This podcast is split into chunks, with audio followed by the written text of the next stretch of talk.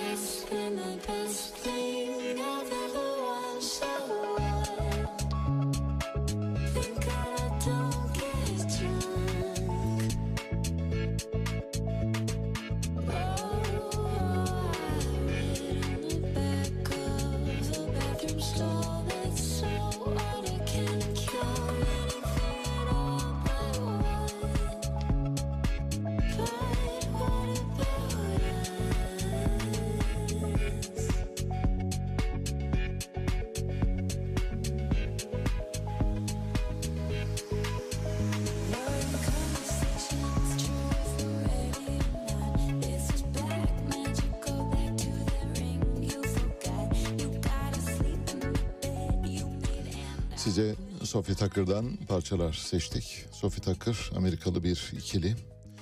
Sophie Hawley Welt ve Tucker Halpern'dan oluşan bir ikili. Konserlerinde genellikle birbirlerine böyle çok anlamlı bakışlar atıyorlar. Zaten iyi bir çift.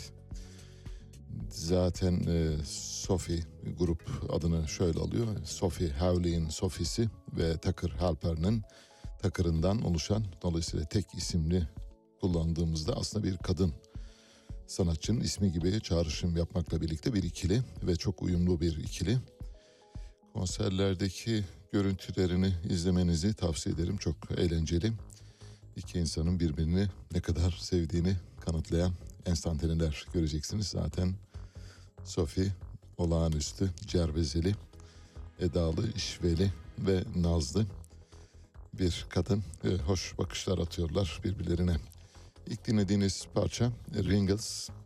Birazdan Drinky çalacağız. Ve son olarak da Doruk için Swing'i çalacağız. Başlıyoruz. Bugün Dünya Kupası'nda artık finale doğru yürüyoruz yavaş yavaş. Bugün saat 18'de Hırvatistan'la Brezilya karşı karşıya geliyor. TRT 1'de bu maçı izleyebilirsiniz. İkinci maç Hollanda ile Arjantin arasında.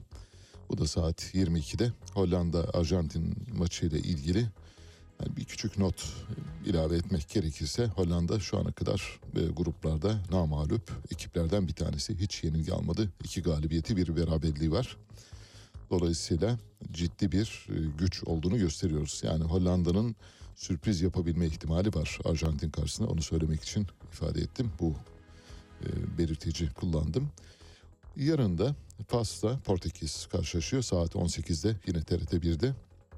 Biz tabii doğal olarak mağdurdan yanayız ve yoksullardan yanayız. O yüzden de Fas'ı tutuyoruz ama gönlümüz biraz da Portekiz'den yana Ronaldo'nun da mağduriyete uğramasını istemeyiz şahsen. Diğer maçta İngiltere ile Fransa arasında. İngiltere'de namağlup bir ekip. Onun da 7 puanı var. Dolayısıyla İngiltere Fransa'ya göre daha diri bir görünüm sergiliyor. O maçta yarın saat 22'de yine TRT 1'de. Başlıyoruz. Cumhurbaşkanı Erdoğan'ın sözünü günün sözü seçtik. Cumhurbaşkanı enflasyonun boynunu kıracağız dedi. %85'lik enflasyondan bahsediyoruz. Üstelik de kendi kendimize ürettiğimiz bir enflasyondan bahsediyoruz. Hoş dünyada da enflasyon var bunu biliyoruz. Enflasyon bu yılın problemi yani 2022'nin en büyük problemi enflasyon 2008 küresel finansal krizinden sonra belki de dünyanın şu anda içine düştüğü en büyük badireden bahsediyoruz. Ancak dünyanın diğer ülkelerinde Avrupa'da ve Amerika'da %7'ler 8'ler civarında giden enflasyonlar var. Bazı ülkelerde ekstrem giden enflasyonlar var ama o ekstrem enflasyonlar da bu ülkelerin merkez bankaları tarafından zamanında alınan proaktif olarak alınan kararlarla düşürülüyor. Örneğin bunlardan bir tanesi Brezilya. Brezilya mesela şu anda enflasyonunu yaklaşık yüzde sekiz seviyesine kadar düşürmüş durumda ve sadece yaptığı tek şey var. Politika faizini adım adım artırarak enflasyonu dizginledi. Şimdi enflasyon aşağı doğru geldi. Artık bundan sonra Brezilya önümüzdeki dönemde politika faizini de aşağı doğru çekecek. Son derece basit bir denklemden bahsediyoruz. Enflasyonla faiz arasında tersine bir ilişki vardır. Eğer siz faizi düşürürseniz enflasyonu patlatırsınız. Faizi düşürmek istiyorsanız enflasyonla mücadele etmediğiniz anlamına gelir. Cumhurbaşkanı enflasyonun boynunu kıracağız derken nasıl kıracağı konusunda şöyle dedi. Dün bir ekonomi zirvesi vardı. Bu zirveyi de konuşacağız birazdan. Şöyle dedi. Enflasyonu adım adım çözüme kavuşturuyoruz. Yılbaşından itibaren enflasyonun boynunu kırmış olacağız. Savunmada ulaştığımız seviye milletimizin gurur kaynağı. Savunma sanayi ihracatında geçen sene rekor kırdık. Savunmada ihtiyacımız olan ürünleri milli imkanlarla üretiyoruz. 2023 senesini savunmada da milat yapmakta kararlıyız. Türkiye yüzyılı vizyonumuzu hayata geçirinceye kadar durmayacağız. Terörün bizi yolumuzdan alıkoymasına izin vermeyeceğiz. Birbirinden kopuk cümleler yani terör mesela burada hiç işi yok. Ekonomiden bahsediyoruz, savunma sanayinin işi yok gibi pek çok şey var. Ama umarız tabii temennimiz elbette enflasyonun belinin kırılması. Cumhurbaşkanı ayrıca bir değerlendirme yapıyor. Boynunu kırmaktan bahsediyor. Bugün size birkaç dosya hazırladık. Bir Peru dosyamız var. Çok seveceksiniz. Peru'yu anlatacağız. Peru'da ne olup bittiğini. Peru'da bir hükümet darbesi yapıldı. Hükümet darbesinin arka planında Pentagon'un ayak seslerini duyuyoruz. Pentagon'un ayak seslerinin nerelere kadar uzandığını merak ediyorsanız dosyayı açtığım zaman bizimle birlikte olun. Çünkü işin içinde biraz karışık işler var. Karışık iş ne? Örneğin Peru dünyanın ikinci büyük kokain üreticisi. Bütün hikaye Peru'nun kokain pazarındaki rolüyle ilgili, oradan aldığı payla ilgili Amerika Birleşik Devletleri ya da Pentagon ya da CIA bu payı tek başına yönetmeye çalışıyor ama Peru'nun devlet başkanı görevden alınan ve şu anda da gözaltında bulunan Castillo maalesef Amerika'ya izin vermedi. John Perkins'in bir ekonomik tetikçinin itirafları dizisinden hatırlayacağınız gibi Amerika bir ülkeyi yönetmek istiyorsa önce iyilikle güzellikle ikna yoluyla bazı kalkınma planları ve projeleri sunarak gelir. Eğer olmadı bu defa ne yapar? Bir parlamento darbesi yapar. İşte parlamento darbesini Peru'da gerçekleştirdi. Parlamento darbesi yapamamış olsaydı bu defa milli orduya bir askeri darbe yaptırırdı. Milli ordu güçlü değilse bu defa kendisi bizatihi Amerikan deniz piyadelerinin çizmeleriyle o topraklara basarak darbeyi bizatihi yapardı. Buradaki ikinci aşama güzellikle olmadı. Castillo'yu ikna edemediler. Peru'nun zenginlik kaynaklarını kullanma konusunda Castillo onlara izin vermedi. O zaman peki biz geliyoruz dediler ve şu anda bir parlamento darbesiyle düşürülmüş durumda. Çok güzel bir dosya olduğunu söyleyebilirim. Bu dosyada biraz da böyle Peru'yu anlatacağız. Peru'nun güzelliklerinden de bahsedeceğiz. Çok nadide bir ülke Peru. Bir defa çok büyük yükselti üzerinde, Ant Dağları üzerinde yükselen dünyanın en yüksek gölü, dünyanın en yüksek kanyonu gibi pek çok yeri var. Bir de Machu Picchu diye müthiş bir turizm e, cenneti var. Dün bildiğiniz gibi biraz Serengeti, Masai Mara anlattık. Serengeti ve Masai Mara'yı anlattıktan sonra sadece bana ulaşan 7-8 telefon var. Nasıl gidebiliriz diye. Vallahi ben turizm acentası değilim ama iyi bir acenta bulursanız bence gidin. Olağanüstü bir seyahattir, olağanüstü bir görkem. Merak edenler elbette. Çok kolaydır yani yolunu bulmak ama çok önceden rezervasyonlar yaptırmak gerekiyor. Masai Mağara'daki o seyirlik e, balon turunu anlatırken mesela sabah saatlerinde yola çıkışınız bile bir ritüelle ilgili bir bir ayin gibi çıkıyorsunuz yola. Sabah 5'te uyanıyorsunuz. İşte size böyle keskin kokulu içecekler veriliyor. İçinde kekikler var, naneler var.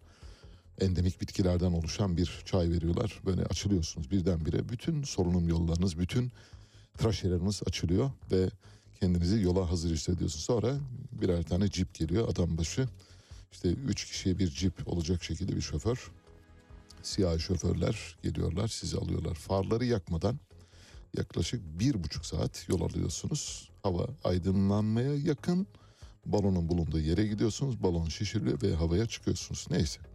Ama bugün Peru'da da benzeri bir hikayeyi anlatmaya çalışacağız. Peru'nun güzelliklerini elbette darbe sonrasında ortaya çıkan durumu anlatmak bakımından. Turkuaz grubu Berat Albayrak'ın ağabeyi Serhat Albayrak'ın başında bulunduğu Turkuaz grubu dün bir ekonomi zirvesi gerçekleştirdi. Haber bu değil tabii doğal olarak ekonomi zirvesi gerçekleştirmesi. Ekonomi zirvesinde ekonomi bakanı davet edilmedi. Nasıl? Hazine ve Maliye Bakanı Nurettin Nebati bu zirveye davet edilmedi. Zirveye Merkez Bankası Başkanı Şahap Kavcıoğlu katıldı. Tarım ve Orman Bakanı Vahit Kirişçi katıldı. Enerji ve Tabii Kaynaklar Bakanı Fatih Dönmez vardı. Ulaştırma ve Altyapı Bakanı Adil Kara İsmailoğlu vardı. Çevre ve Şehircilik İklim Değişikliği Bakanı Murat Kurum vardı. Hatta ve hatta Cumhurbaşkanlığı Finans Ofisi Başkanı Göksel Aşan vardı ve hatta ve hatta İsmail Demir vardı. Savunma Sanayi Başkanı İsmail Demir, Sezgin Baran Korkmaz'ın Hempas'ı Paramount Otel'de bir hafta geceleyip sonra bu gecelemenin hesabını veremeyen İsmail Demir'in bile katıldığı ama Nurettin Nebati'nin katılmadığı bir ekonomi zirvesinden bahsediyoruz. Acaba Nurettin Nebati'ye karşı bir husumet var mı yok mu bilmiyoruz ama çağrılmamış olması bence önemli. Daha önceki haftalarda yapılan toplantılarda yine Turkuaz grubunun yaptığı toplantılara katılmıştı, davet edilmişti. Demek ki bir bir nahoş durum var bilmiyoruz. Henüz yeterli bilgiye sahip olmadığımız için üzerinde çok fazla yorum yapmayacağız. E, sağlık sebebiyle gelememiş olabilir. Herhangi bir mazereti dolayısıyla da gelememiş olabilir. Çağrılmamış olabilir diye düşünüyoruz. Yani e, iyi yanından bakmaya gayret ederek. Zirvenin Sabah gazetesinin Turkuaz grubunun düzenlediği ekonomi zirvesinde yani Hazine ve Maliye Bakanı'nın katılmadığı, Ekonomi Bakanı'nın katılmadığı zirvenin sponsorlarına şöyle bir bakalım. Arkadaşlarımız verebilirlerse göreceksiniz. Zirvenin sponsorları bildik anlamda düpedüz devletin kendisi. Mesela TOKİ zirvenin sponsorlarından biri. Emlak Konut keza. Ee, Türkiye'nin ikinci büyük kamu bankası Halkbank. Vakıf Leasing, e, Turkish Airlines, Türk Hava Yolları, Türk Telekom, Vakıf Yatırım, Ziraat Yatırım diyoruz. Gidiyoruz şimdi aşağıda daha ilginç şirketler var. Onlara geleceğim. Bunlar da böyle işte el konulan şirketler. TMSF bünyesindeki şirketler. Örneğin onlardan bir tanesi Koza. Koza grubu bildiğiniz gibi TMSF tarafından Fethullah Gülen Akın İpek'in şirketiydi. El konulmuştu. O da sponsorlar arasında bir başka yine el konulan şirketlerden Fethullah Gülen'le ilişkisi dolayısıyla Aydınlı Grup. Ömer Faruk Kavurmacı ve, ve Mahtum ve kardeşinin birlikte yönettikleri şirket Pierre Cardin'in Türkiye haklarını elinde bulunduran, Kaşerel'in Türkiye haklarını elinde bulunduran, Polo Esai'nin Türkiye haklarını elinde bulunduran Aydınlı grubu da sponsorlar arasında. Kalyon Enerji keza Limak Enerji keza sponsorlar arasında. Tarsim Tarım Sigortaları Kuruluşu ne alaka diyeceksiniz bilmiyoruz ama işte elbette tarımla ilgili bir şey de konuşuluyor. Kargil var. Dünya Mısır devi. Doğuş grubu var. Olmazsa olmazlardan bir tanesi. Koleksiyon bir e, tasarım, mobilya tasarım firması tanırım ben. Yani burada ne iş olduğunu çözebilmiş değilim doğrusunu isterseniz. E, yöneticilerini de tanıyorum yakından. Hiç bu taraklarda bezi yok öyle söyleyeyim. EPH var. Elektrik e, enerji piyasası e, düzenleme kurulu bünyesinde bir şirket. Daha doğrusu bir kuruluş. Philip Capital var. Bir e, aracı kurum. Türkiye Sigorta Birliği Cumhurbaşkanlığı Varlık Fonu bünyesindeki şirketlerden biri. Ve Trendyol var. Bu kadar çok sponsoru bulsam ben de her gün zirve düzenlerim. Yani zirve düzenlemek dediğiniz işte sponsorla ilgili sponsoru bulduğunuz zaman olabiliyor. Böylece bu bahsi kapattık. Amerika'dan Man Adası belgelerinin odağındaki kişiyle ilgili bir yaptırım geldi. Man Adası olaylarını hatırlarsınız. Kemal Kılıçdaroğlu Cumhuriyet Halk Partisi Genel Başkanı'nın banka dekontlarına varıncaya kadar her şeyle kanıtladığı bir yolsuzluk hikayesi. Cumhurbaşkanına yakın bazı isimlerin Man Adası'nda para park ettikleri ve paralarını orada topladıklarını kanıtlamıştı. Man Adası ile ilgili Cumhurbaşkanı'nın Kemal Kılıçdaroğlu'na açtığı dava var. Ee, Kemal Kılıçdaroğlu'nun da keza buna ilişkin bir savunması vardı hatırlayacaksınız. Bu davada adı geçen Man Adası olayında adı geçen iş insanı Sıtkı Ayan için Amerika Birleşik Devletleri bir yaptırım kararı aldı. Sıtkı Ayan'a uygulanan yaptırımın sebebi de şu. İran devrim muhafızları adına kara para aklama suçlaması yöneltiliyor Sıtkı Ayan'a. Sıtkı Ayan'ın yanı sıra başka ortakları ve iş arkadaşlarını da aynı şekilde yaptırım kapsamına aldılar. İran'ın Kudüs gücü yani devrim muhafızlarının bir kolu olan bu Kudüs gücüne petrol satarak finansman sağladığı iddia ediliyor. Elbette bu işin içinde başka bir iş olduğunu tahmin ediyorsunuz. Amerika Birleşik Devletleri kendisi eğer işin içindeyse her şeye cevaz verebiliyor. Kendisi işin içinde yoksa yasaklayabiliyor. İşte burada da Amerika'dan izin alınmadan yapılan bir petrol ticareti var. Petrol ve altın ticareti. Petrol karşılığı altın ya da altın karşılığı petrol demek lazım. Bunlara izin vermiyor. Sıtkı Ayan 100 milyonlarca dolar değerindeki İran petrolünü Çin, Birleşik Arap Emirlikleri ve Avrupa'daki alıcılara satmak için iş sözleşmeleri imzaladı deniyor. Amerikan e, istihbarat raporlarında. Yaptırımlara Sıtkı Ayan'ın oğlu Bahattin Ayan, ortağı Kasım Öztaş'ın yanı sıra Cebeli Tarık merkezli bir holding olan ASB Şirketler Grubu da dahil iki düzine şirket maruz kalmış durumda. Yaptırımlarla şahısların Amerika'daki mal varlıkları donduruluyor. Amerikan vatandaşlarıyla iş yapmaları yasaklanıyor. Şahıslarla ilgili işlere girişenler yine yaptırıma maruz kalacak. Yani diyor ki Sıtkı Ayan ve bu yaptırım listesinde olanlarla iş yapanlara buradan duyururuz ki onlar da yaptırım listesine girebilirler. Sıtkı Ayan kim? Sıtkı Ayan Kemal Kılıçdaroğlu'nun 21 Kasım 2017'de Cumhurbaşkanı Recep Tayyip Erdoğan'ın oğlu Bilal Erdoğan, kardeşi, eniştesi, dünürü, darbeyi haber veren eniştesi ve dünürü, eski özel kalem müdürünün vergi cenneti Man Adası'ndaki şirkete 2011'de gönderdiği 15 milyon doları tek tek sıralayıp Swift mesajlarını ve dekontlarını göstermişti 2017'de. Kemal Kılıçdaroğlu'nun Tayyip Erdoğan'ın ailesi ve yakınlarıyla ilgili Man Adası iddiasının odağındaki iş adamı Sıtkı Ayan'ın adı da 17-25 Aralık sürecinde geçiyordu. Dönemin başbakanı Tayyip Erdoğan'ın Ayan için kucağa düşecek dediği öne sürülmüştü. Bir tape vardı hatırlıyorum.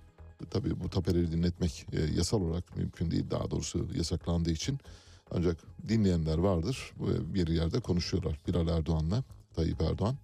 Sıtkı Ayan'dan bahsediyor. Şöyle diyor. Bilal Erdoğan diyor ki babacığım e, bu Sıtkı Ayan diyor çok para kazanıyor ve bir iş için 10 milyon dolar teklif etti bize diyor. Cumhurbaşkanı da şöyle diyor. Tape'de ben dinledim. Tabii yani hani dinlediğimi aktarıyorum. Doğru olup olmadığını bilmiyoruz. E, Yani bir montaj olabilir ve herhangi bir şekilde e, bir e, kirli bilgi kaynağı da olabilir ama Tape'de yazan şekliyle diyor ki Bilal Erdoğan'a sen bekle diyor. Onlar kucağımıza düşecekler diyor. Cumhurbaşkanı bir ülkenin iş adamıyla ilgili konuşurken bir paradan bahsediyor. 10 milyon dolar para da küçük bir para değil. Bekle ne yapacak? kucağımıza düşecekler diyor. Sadece onun için söylemedi hatırlarsanız. Başka ne için söylemişti? Mesela Türkiye'nin en büyük, en en büyük tekstil konfeksiyon devi Elsiva 22'nin ortakları ve sahipleri için de aynı şeyi söylemişti. Bekle onlar bizim kucağımıza düşecek demişlerdi. Bir plastik poşet meselesi var. Plastik poşet meselesini dün bir parça aktardık size. Plastik poşetler bildiğiniz gibi 25 kuruş. Bu 25 kuruşun 10 kuruşunu devlet alıyordu geri dönüşüm bedeli altında. 15 kuruşu da şirketlere, marketlere kalıyordu. Sonra baktılar ki bu kar oranı çok düşük ve poşet fiyatını da artıramıyorlar. Poşet fiyatının artırılması çok riskli. Çünkü Türk halkı iki şeye çok duyarlı. Bir ekmek fiyatlarına, iki poşet fiyatlarına. Ekmeğe ve poşete yaptığınız zamlar doğrudan size sandıkta bir cevap olarak geliyor. Sandıkta ölçüldü. Poşet pazarlamasının ya da poşetlerin parayla satılması uygulaması AK Parti'ye yüzde bir oy kaybettirmişti. Ekmek fiyatları ise eğer böyle kontrolsüz biçimde giderse Haziran ayına kadar 10 lira olacağını tahmin ediyoruz. Bu durumda ekmek fiyatları da minimum yüzde beş oy kaybettirecektir. Poşeti çözdüler. Poşete zam yapmayarak bir orta yol bulundu. Poşete zam yapılmadı ancak poşetten alınan 25 kuruşun 25'i de kime gidiyor? Devlete gidiyor. Firmalara, marketlere sıfır. Nasıl? Aslan payı benim, kural benim, top benim, istersem oynatırım, istemezsem oynatmam diye yürüdü. Oysa şu anda normal yeniden değerleme oranı çerçevesinde bildiğiniz gibi 1 Ocak 2023 itibariyle kamuyla yürütülen bütün sözleşmelerde, bütün işlemlerde, noter belgelerinde, nüfus kaydı belgelerinde, trafik cezalarında aklınıza gelebilecek her yerde, tapuda, şurada, burada işlemlerle ilgili olarak para ödediğinizde ona yüzde 122 zam geliyor. Poşet de aynı kapsamda poşete de yüzde 122 zam gelmesi lazım. Fakat poşete yapılan zammın büyük bir hasara yol açacağı tahmin edildiği için bu karardan vazgeçildi. Çevre Şehircilik ve İklim Değişikliği Bakanı Murat Kurum bunu bir müjde olarak sundu. Müjde dedi poşete zam yapmıyoruz çünkü poşet zammının nereye yol açtığını deneyimlemiş durumdalar, biliyorlar ve etkilerinin nereye doğru gidebileceğini gayet yakinen tanık olmuş bir siyasi kadrodan bahsediyoruz.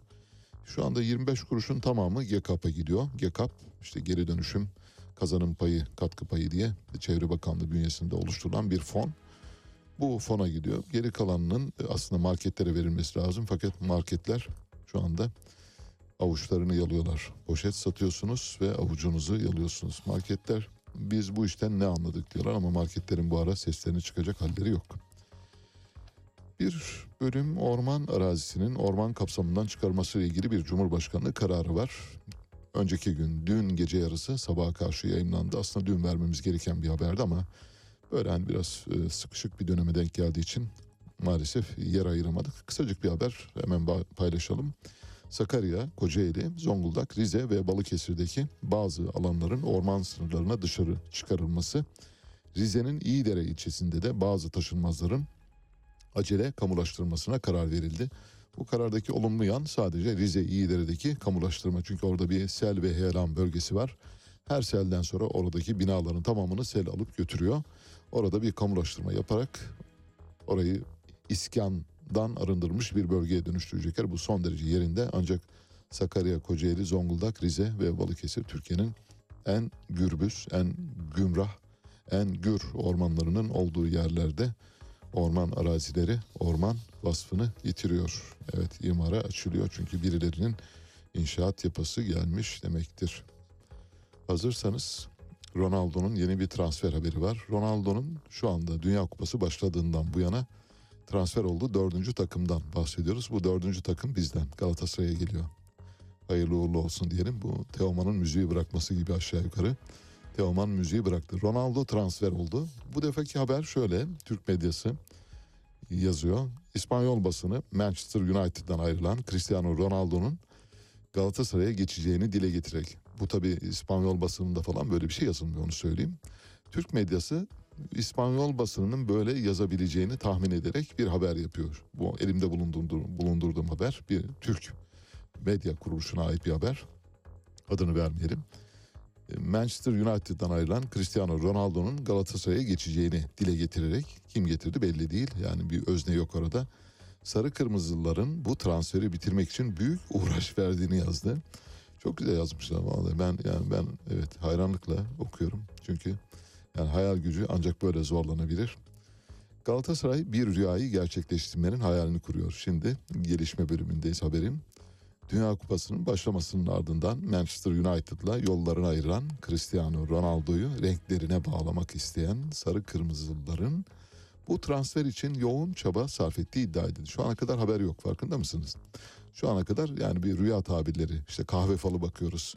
Bak orada bir tane keçi gibi bir figür görüyorsun ya işte bir kurbanın var onu kesmen lazım hemen bir an önce kesmen böyle kahve falına benzer bir haber yapılmış.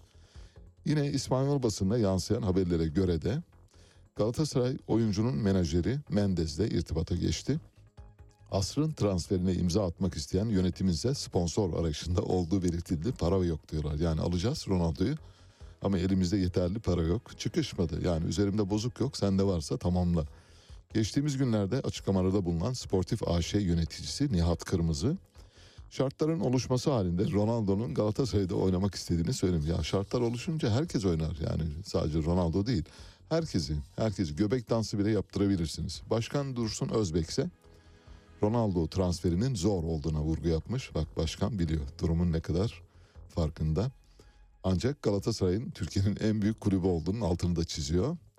Geçtiğimiz günlerde İspanyol Marca gazetesi Portekizli süperstarın 500 milyon euro karşılığında Al Nassr takımıyla 2,5 yıllık anlaşma sağladığını duyurmasına rağmen ortada böyle bir mutabakat olmadığı belirtildi. Evet şu anda Dünya Kupası başladığından bu yana Ronaldo dördüncü kez transfer edilmiş oldu.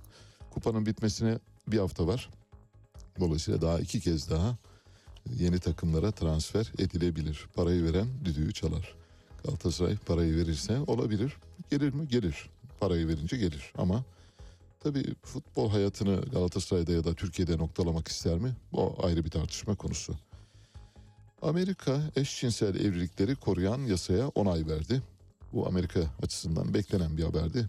Geçtiğimiz günlerde Joe Biden'ın seçim kampanyası sırasında yani seçimlerden önce verdiği vaatlerden bir tanesiydi. Türkiye'de de buna ilişkin bir gelişme var. Milliyetçi Hareket Partisi cinsiyet değiştirme ameliyatlarının zorunlu biyolojik sebeplere bağlı olması durumunda ancak yapılabileceğini bu hallerin dışında cinsiyet değiştirme ameliyatlarına izin verilmemesi gerektiği yolunda bir yasa teklifi hazırladı. Bu yasa teklifi henüz parlamento başkanlığına sunulmuş değil ama e, yasa teklifi yakında parlamentonun gündemine gelecek. Lübnan'da 9. kez Cumhurbaşkanı seçilemedi. Lübnan şu anda bir siyasi katastrofun ortasında öyle bir hareket içinde gözüküyor. Lübnan zaten default etmiş, iflas etmiş, moratorium ilan etmiş bir ekonomi. Lübnan'ın ayağa kaldırılması biraz zor. Lübnan'ın ayağa kalkması zor. Nereden biliyoruz? Daron Acemoğlu'nun Dar Koridor kitabında Lübnan örneği çok iyi anlatılıyor. Lübnan'da ülkeyi yöneten elitlerin, elitlerden kastımız etnik elitlerden bahsediyoruz. Yani Şii, Hristiyan ve Müslüman, Sünni Müslüman elitlerin bu dar koridorun kapanmasına izin vermediklerini söylüyor. Dar koridoru şöyle ta- tarif etmek lazım. Dar koridor ne derseniz Daron Acemoğlu şöyle bir e, paradigma üzerinden çalışıyor. Diyor ki bir ülkede toplum güçlüyse iyi, hükümet güçlüyse kötü. Ancak toplum çok güçlüyse, hükümet çok zayıfsa bu da kötü. Hükümet çok güçlü, toplum zayıfsa bu da kötü. İşte hükümetle toplumun gücünün bir ortaklaşması, bir bir ortalamasının alınması lazım. Öyle bir yerde kesişirler ki aralarında hem bir sınır olur hem de çok fazla temas olmaz. İşte bu koridora dar koridor diyoruz. Dar koridor nerede var? Lüksemburg'da var. Hollanda'da var. Norveç'te var. İsveç'te var. Finlandiya'da var. Danimarka'da var. Biraz Kanada'da var. Avustralya'da var. Yeni Zelanda'da var ama yok. Ee, Neredeyse yeriyle yeksan olmuş durumda. Avrupa'nın hiçbir ülkesinde yok dar koridor söyleyeyim. O, ama Avrupa dar koridordan geçerek buralara geldi. Avrupa'nın sanayileşmesi, endüstrileşmesi dar koridordan geçtikten sonradır. Bugün dar koridora ihtiyaçları yok artık ama gelişmekte olan ve az gelişmiş ülkelerin mutlak surette bu dar koridordan geçmesi gerektiğini söylüyor. Lübnan bu dar koridordan geçme çabasını deneyen birkaç kez deneyen ülkelerden bir tanesi ama maalesef dar koridorda boğulmuş durumda. Öztürk Yılmaz bildiğiniz gibi Yenilik Partisi Genel Başkanı e, önceki gün bir e, saldırıya uğradı bıçaklı saldırıya ofisinde dört yerinden bıçaklandı. Biz Öztürk Yılmaz'la ilgili dün geçmişine dair bazı bilgi notları paylaştık. Bugün Öztürk Yılmaz'ın şöyle bir durumun sonucunda e, saldırıya uğramış olabileceğine dair haberler paylaşılmaya başlandı. Şöyle deniyor. İşit Türkiye Cumhuriyeti Musul konsolosluğunu bastığında Öztürk Yılmaz konsolostu. IŞİD'in elinde rehin kaldı. Evet 104 gün biliyoruz.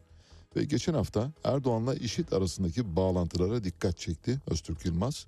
Ve bugün dört yerinden bıçaklandı. Saldırı tarzı, IŞİD tarzı. Kim neden rahatsız olmuş olabilir diye soruyor. Bir anonim paylaşım bu. Dolayısıyla ismini vermeme gerek yok ama bu paylaşım yeni bir kahraman yaratma yolunda atılmış adım. Öztürk Yılmaz'dan kahraman yaratmak istiyorlar. Öztürk Yılmaz'dan kahraman olmaz. Öztürk Yılmaz'ın Musul konsolosluğunda IŞİD'in kontrolünde, IŞİD'in esiri olarak, IŞİD'in rehinesi olarak 104 gün kalması ile ilgili sürecin karanlık bir perdenin arkasında gerçekleştiğini biliyoruz. Orada sunulan bütün bilgilerin Öztürk Yılmaz'ın kamuoyuna açıkladığı bilgilerle sınırlı olduğunu da biliyoruz. Tıpkı 15 Temmuz'da pek çok yerde örneklerini gördüğümüz sahte kahramanlarda olduğu gibi örneğin Lokman Ertürk kahraman kazan belediye başkanının bir palavra dizisi sonucunda kahraman ilan edildiğini gördük. Öztürk Yılmaz'ın da benzeri bir hikayesi olabileceğini düşünüyoruz. Öztürk Yılmaz'ın IŞİD'le ilgili söylediklerinin ve Cumhurbaşkanı'nın bu durumdan rahatsız olduğunun tamamen bir uydurma olduğunu söyleyebilirim. Böyle bir şey yok Cumhurbaşkanı ve IŞİD'le en ufak alakası yok. Bıçaklamanın IŞİD türü saldırı olduğunu söylüyor. IŞİD bıçaklamaz. IŞİD ne yapar? Ortadan kaldırır. Hücrelerinize bile ayırır. Öyle bıçakla bıçakla olacak şeydi. Bu başka bir şey. Arkasında ne olduğunu bilmiyoruz ama oradan kahraman çıkmaz söyleyelim. Demirören Medya şirketindeki bazı çalışanların İşkur'dan teşvik alabilmek için öğrenci olarak gösterildiği iddia edildi. Sanıyorum birkaç dakika içinde bir telefonumuz olacak değil mi? İki dakika içinde. Telefonumuzun konusunu da söyleyelim. Oya Özarslan'la konuşacağız. Uluslararası Şeffaflık Derneği Yönetim Kurulu üyesi. E, Her yıl açıklanan bir şeffaflık raporu var. Yolsuzluk raporu var. Türkiye tahmin edeceğiniz gibi yolsuzluk raporunda her yıl bir basamak birkaç basamak daha yukarıya doğru çıkıyor. Yakında bu raporlar açıklandığında eğer süreç böyle devam ederse Türkiye bu raporlarda en öne çıkan ülkelerden biri olacak. Her yıl 5-6 basamak yukarıya çıkıyor yukarıya. Yukarıya çıkan ülkeler çok fazla yolsuzluğun yapıldığı ülkeler. O ülkeler kategorisinde kimler var? Kongo var, Togo var, Madagaskar var, Samoa Adaları var. Böylesi yerler var. Dolayısıyla onlarla aynı yerdeyiz. Cayman Adaları var keza. Birazdan konuşacağız Oya Özaslan'la bakalım Türkiye'nin yolsuzluk karnesi nedir diye. Demirören Medya grubunda çalışanların öğrenci olarak gösterildiği ifade ediliyor. Bu öğrenci olarak gösterilerek aynı zamanda bir istihdam politikası devletten teşvik aldığı öne sürülüyor. Kanıtlanmış bir haber değil sadece çok konuşulan bir haber olduğu için paylaşıyorum sizinle. İran'da ilk idam cezası maalesef geliyor. Mahsa Amini'nin öldürülmesinden sonra çıkan olaylarda şu ana kadar 458 kişi hayatını kaybetti ve bugün ya da yarın eğer e, aksine bir karar çıkmadığı takdirde e, devlet medyasının yazdığı habere göre İran'ın haberine göre devrim mahkemesi tarafından Allah'a karşı düşmanlık suçu işlediği gerekçesiyle ölüm cezasına çarptırılan Muhsin Şikari Perşembe sabahı asıldı deniyor. Doğrulanmamış kaynaklardan olduğu için asıldı mı asılmadı mı ya da nasıl asıldı herhangi bir e, kayıt bilinmiyor. Ancak bunun bir öncü bir e, misilleme olduğunu tahmin ediyoruz. Muhtemelen gözdağı olması bakımından bir idamla karar vermiştim. Bildiğiniz gibi parlamento olaylara katılan 5000 kişi hakkında idam cezası verilmesini talep etmişti. Yani işin ne kadar abartılı boyutlarda yürüdüğünü anlıyoruz. Evet geldi telefon bağlantısı saatimiz. Oya Özaslan'la konuşacağız. Uluslararası Şeffaflık Derneği Yönetim Kurulu üyesi. Oya Hanım hoş geldiniz. Merhabalar. Eee, Ben eee, Uluslararası Şeffaflık Örgütü Türkiye'nin yönetim kurulu e, başkanlığını yapıyordum geçen seneye kadar ama e, şimdi artık global bölümdeyim. Yani Öyle mi? şeffaflık örgütünün evet e, terfi Berlin'deki ettiniz. global dünyadaki stratejiye ve dünyadaki ülkelerin gelişimine bakıyoruz ama Türkiye'yi de tabii yakından Takip, takip ediyorsun. ediyorum. Türkiye'de de evet. Peki güzel bu e, tavsiyeyi yapmanız iyi oldu. Şimdi bize 10 dakika vaktimiz var Oya Hanım. Hem e, Hı hı. bu yıl açıkladığınız e, raporu bizimle paylaşmanızı rica ediyorum. Ben raporda şu bir küçük ayrıntıyı soracağım birazdan ama şimdi öncelikle sizin bir e, genel e, tanımlama yapmanızı rica ediyorum. Türkiye nereden nereye geldi ve Türkiye'nin sorunları giderek daha kalıcı hale geliyor mu diye de soruyorum. Buyurunuz. Em, Uluslararası Şeffaflık Örgütü'nün 95 yılından 1995 yılından beri yaptığı yolsuzluk algı endeksi var. Bu Evet. dünyadaki bütün ülkeleri 180 ülkeyi yüzden sıfıra kadar sıralayan kamu sektöründeki yolsuzluğun derecesini ölçen bir endeks. Evet. Türkiye bu endekste m, 100 üzerinden e, 38 e, puan almış durumda ve 180 ülke arasında da 96. e, sırada bulunuyor. E, Türkiye'nin e, işte civarındaki ülkeler ne diye bakarsak hemen altında Gambiya ve Kazakistan var mesela Evet. 37 puanlı. İşte üstünde de işte Sırbistan, Tanzanya, Makedonya, Fas gibi ülkeler var. Evet. Evet, e, Türkiye dediğim gibi 100 üzerinden 38 puanla e, bir bir durumda yani aslında Çok iyi Oldukça. durumda değil. Evet.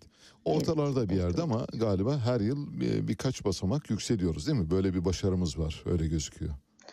E, yani düşüyoruz aslında. Düşüyor muyuz? Yani du- yolsuzluk evet. endeksinde aşağı mı? İyiye mi doğru gidiyoruz o yani? Aşağı doğru gidiyoruz. Hayır, aşağı doğru Ha, gidiyoruz. tamam, evet. Yani gittikçe puanımız söylüyoruz. düşüyor.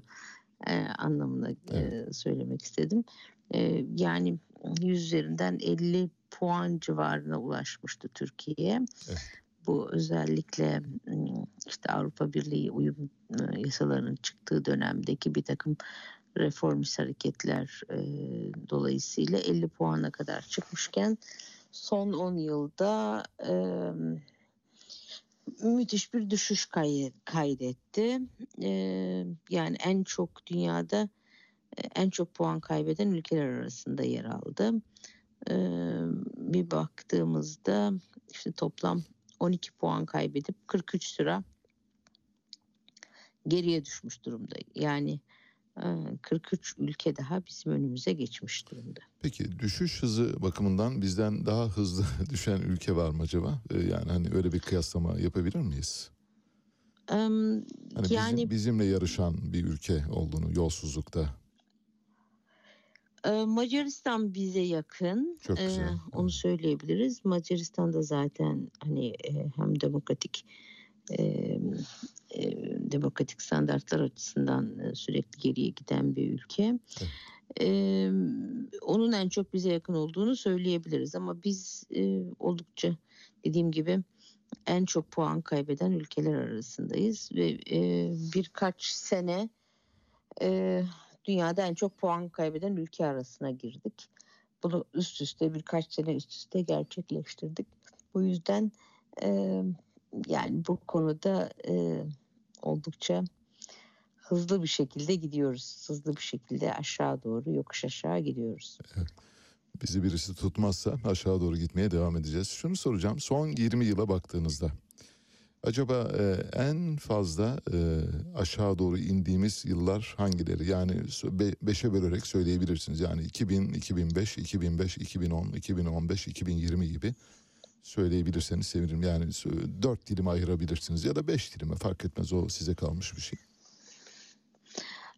Şimdi 2001 yılında bu son 20 yılın içine baktığımızda 2001 yılında en düşük e, bu 2001 krizinin olduğu zamanlar en düşük puanlara ulaştık.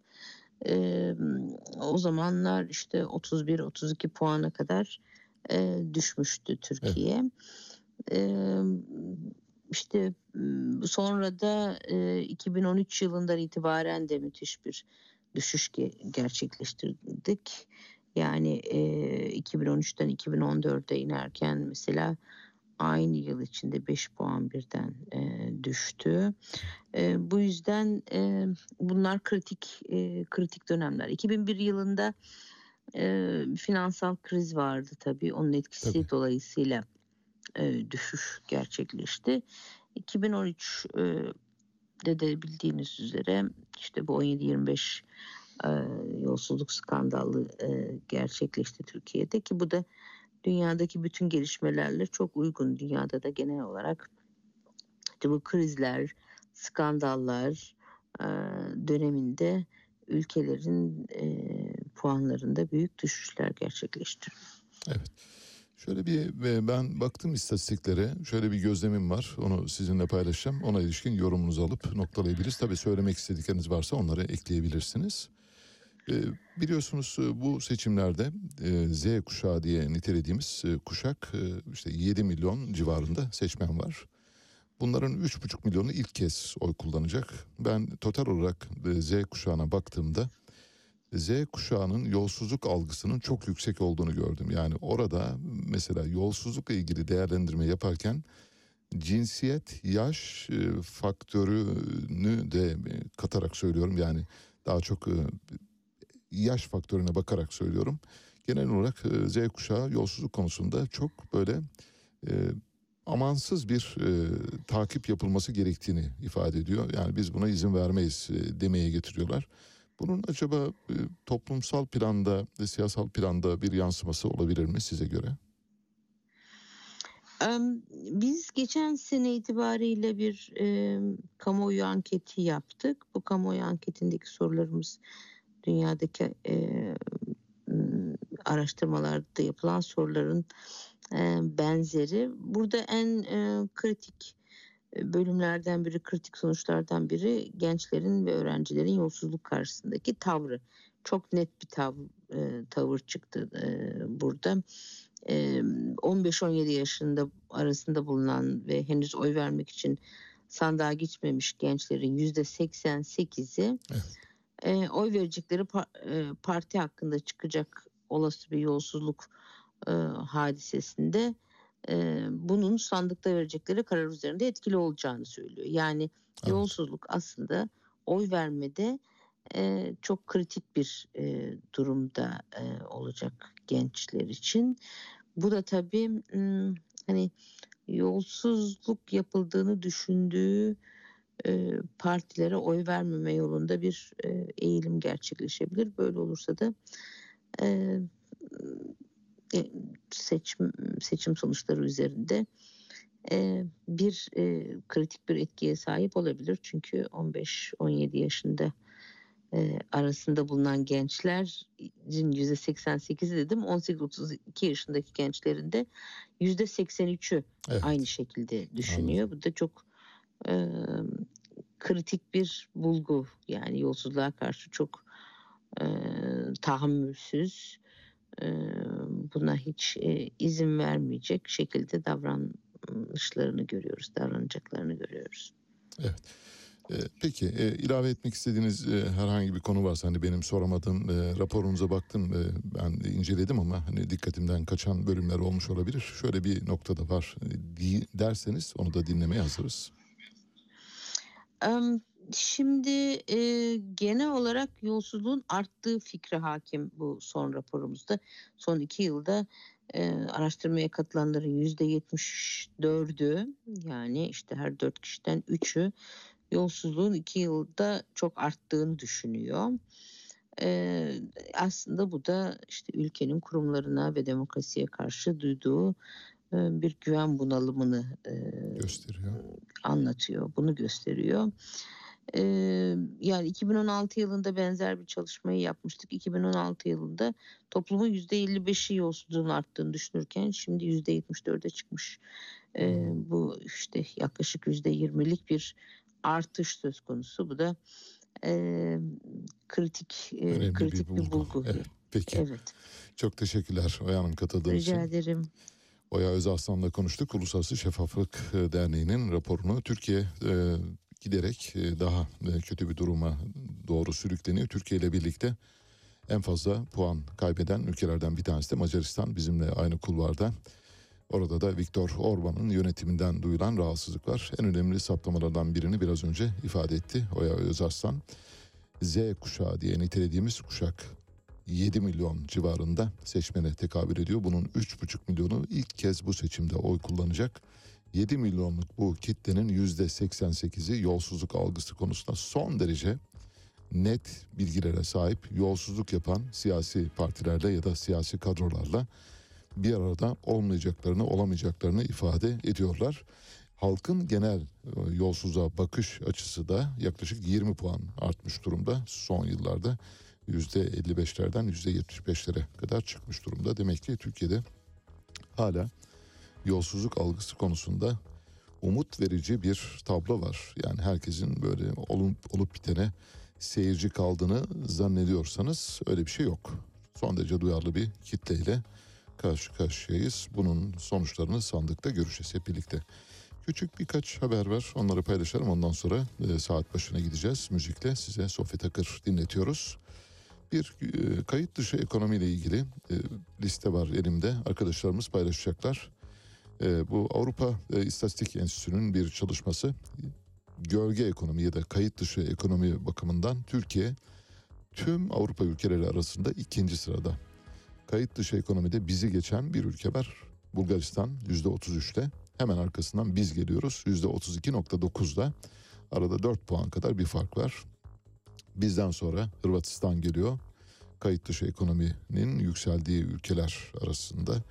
Tabii tahmin edeceğiniz gibi İsviçre Avrupa'nın en az kayıt dışı ekonomi oranına sahip olan ülkesi. İsviçre'de bu oran sadece %5.6 ekonominin %95'ine yakını kayıt içinde. Türkiye'de ise ekonominin %70'ten fazlası kayıt dışı. Kayıt dışı ekonominin kaynaklarını biliyorsunuz. Kayıt dışı ekonomi kumar, fuhuş, uyuşturucu ve terör finansmanı ile ilgilidir. Bu dört unsur varsa o ülke kayıt dışına sürüklenmeye devam etmektedir. Mardin Kızıltepe Ortaokulu'nda bir okul müdürü okula gelen kömürleri başka bir yere taşıtırken yakalandı. Emniyete yapılan şikayetin ardından MOBESE kameralarından belirlenen kömürler yeniden okula getirildi. Emniyetin konuyla ilgili soruşturması devam ediyor. Kömürleri taşıyan müdür evine taşırken yakalanmış. Dünyanın en güçlü kadınlarıyla ilgili bir e, çalışma var. Forbes çalışması bildiğiniz gibi. Sizce dünyanın en güçlü kadını kim acaba? Tahmin edemezsiniz. Tahmin etmeniz zor. O yüzden sizi bu azaptan kurtarayım. Fotoğrafını arkadaşlarımız paylaşacaklar. Ursula von der Leyen. Ursula von der Leyen Avrupa Komisyonu Başkanı kendisi. Belçikalı ve dünyanın en güçlü kadınları sıralamasında bir numarada. İkinci sırada IMF Başkanı, e, Avrupa Merkez Bankası Başkanı Christine Lagarde. Eski IMF Başkanı, yeni Avrupa Merkez Bankası Başkanı Christine Lagarde var.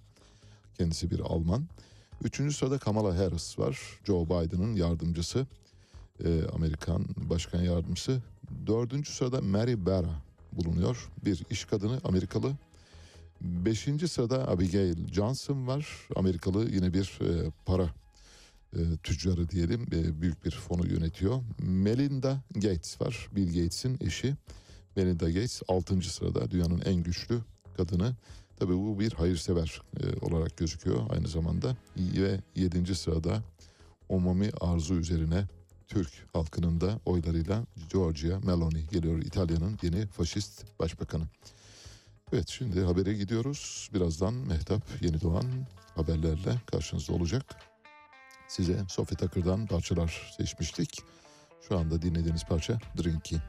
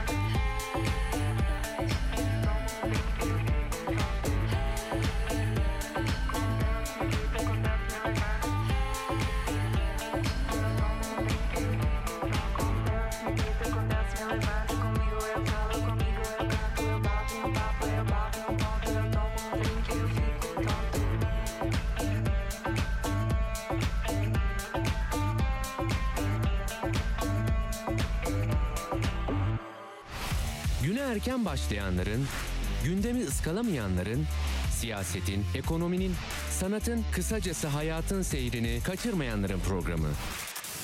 Ali Çağatay'la Seyir Hali hafta içi her sabah 7'den 9'a Radyo Sputnik'te.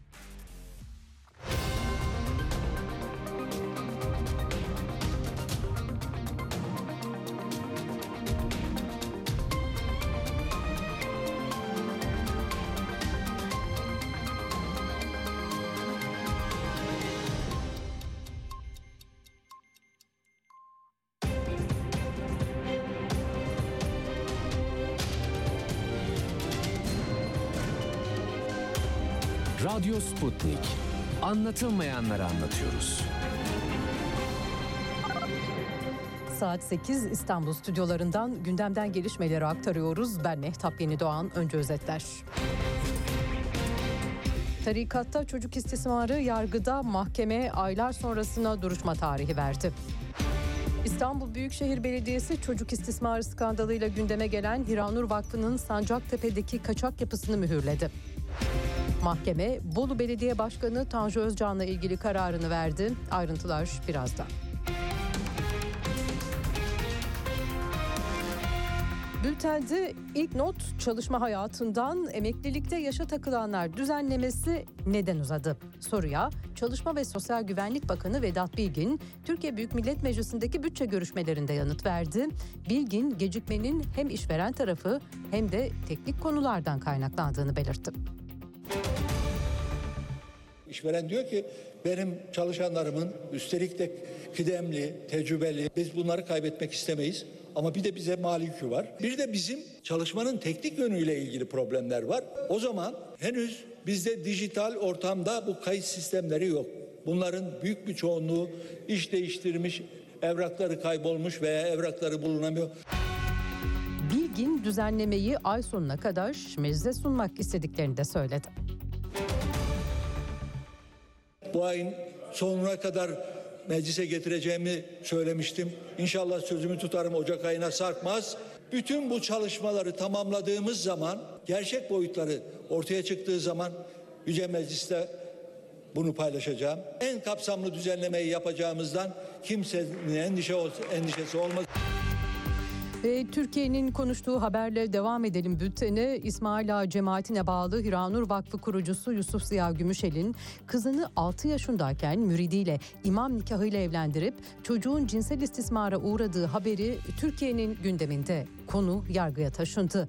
Baba Yusuf Ziya Gümüşel, anne FG ve evlendirildiği Kadir İstekli hakkında zincirleme şekilde çocuğun cinsel istismarı ve cinsel saldırı suçlarından dava açıldı. Mahkeme iddianameyi kabul ederek 22 Mayıs 2023 tarihine duruşma günü verdi. 6 yaşındaki çocuğun evlilik kisvesi altında yıllarca istismar edilmesi Türkiye Büyük Millet Meclisi Genel Kurulu'nda bütçe görüşmelerinde de gündemdeydi. Mecliste grubu bulunan siyasi partiler bir araştırma kurulması için görüş birliğine vardı. Genel kurulda konuyla ilgili bakanlar da söz aldı. Çalışma ve Sosyal Güvenlik Bakanı Vedat Bilgin bu tür insanlık dışı davranışlara Türkiye Büyük Millet Meclisi'nde ortak paydada cevap verilmesinin önemli olduğuna işaret etti. Kültür ve Turizm Bakanı Mehmet Nuri Ersoy da olayı şiddetle kınadığını belirtip olayın sorumlularının tamamının örnek teşkil edecek şekilde en ağır cezaları almaları ortak arzumuz. Vakıflar Genel Müdürlüğü bir baş müfettiş görevlendirdi. Vakıfla ilgili detaylı bir inceleme yapılıyor dedi. Bu konuda susarsak insanlığımız yara alır diye düşünüyorum. Hepimizin çocukları, torunları var. Çok hassas ve korkunç bir konu. Olayın sorumlularının tamamının örnek teşkil edecek şekilde en ağır cezaları almaları ortak arzumuz. Vakıflar Genel Müdürlüğümüz bir baş müfettiş görevlendirdi. Görevine de başladı zaten. Bu arada İstanbul Büyükşehir Belediyesi de çocuk istismarı skandalıyla gündeme gelen Hiranur Vakfı'nın Sancaktepe'deki ruhsatsız kaçak yapısını mühürledi. 5 blok için ruhsat alan, yapı ruhsatında bloklar arasını bahçe olarak gösteren Hiranur Vakfı'nın mevzuata aykırı bir şekilde bloklar arasına kaçak külliye inşa ettiği tespit edildi. Kaçak yapının yıkılması için sorumlularına şimdi bir ay süre tanınacak. Bu süre içinde herhangi bir işlem yapılmazsa kaçak yapı İstanbul Büyükşehir Belediyesi ekipleri tarafından yıkılacak. Mahkeme Bolu Belediye Başkanı Tanju Özcan'la ilgili kararını verdi. Özcan, Bolu Belediye Meclisi Mayıs ayı ikinci oturumunda AK Parti Meclis Üyesi Hacer Çınar'a yönelik sözleri nedeniyle CHP'den bir yıl süreyle geçici çıkarma cezası almıştı. Çınar da mahkemeye başvurarak Özcan hakkında şikayetçi olmuştu. Özcan, Bolu 5. Asliye Ceza Mahkemesi'nde hakaret suçlamasıyla yargılandı. Özcan hakkında mahkeme tarafından beraat kararı verildi. Kararda sarf edilen sözlerin hakaret niteliğinde olmadığı ifade edildi.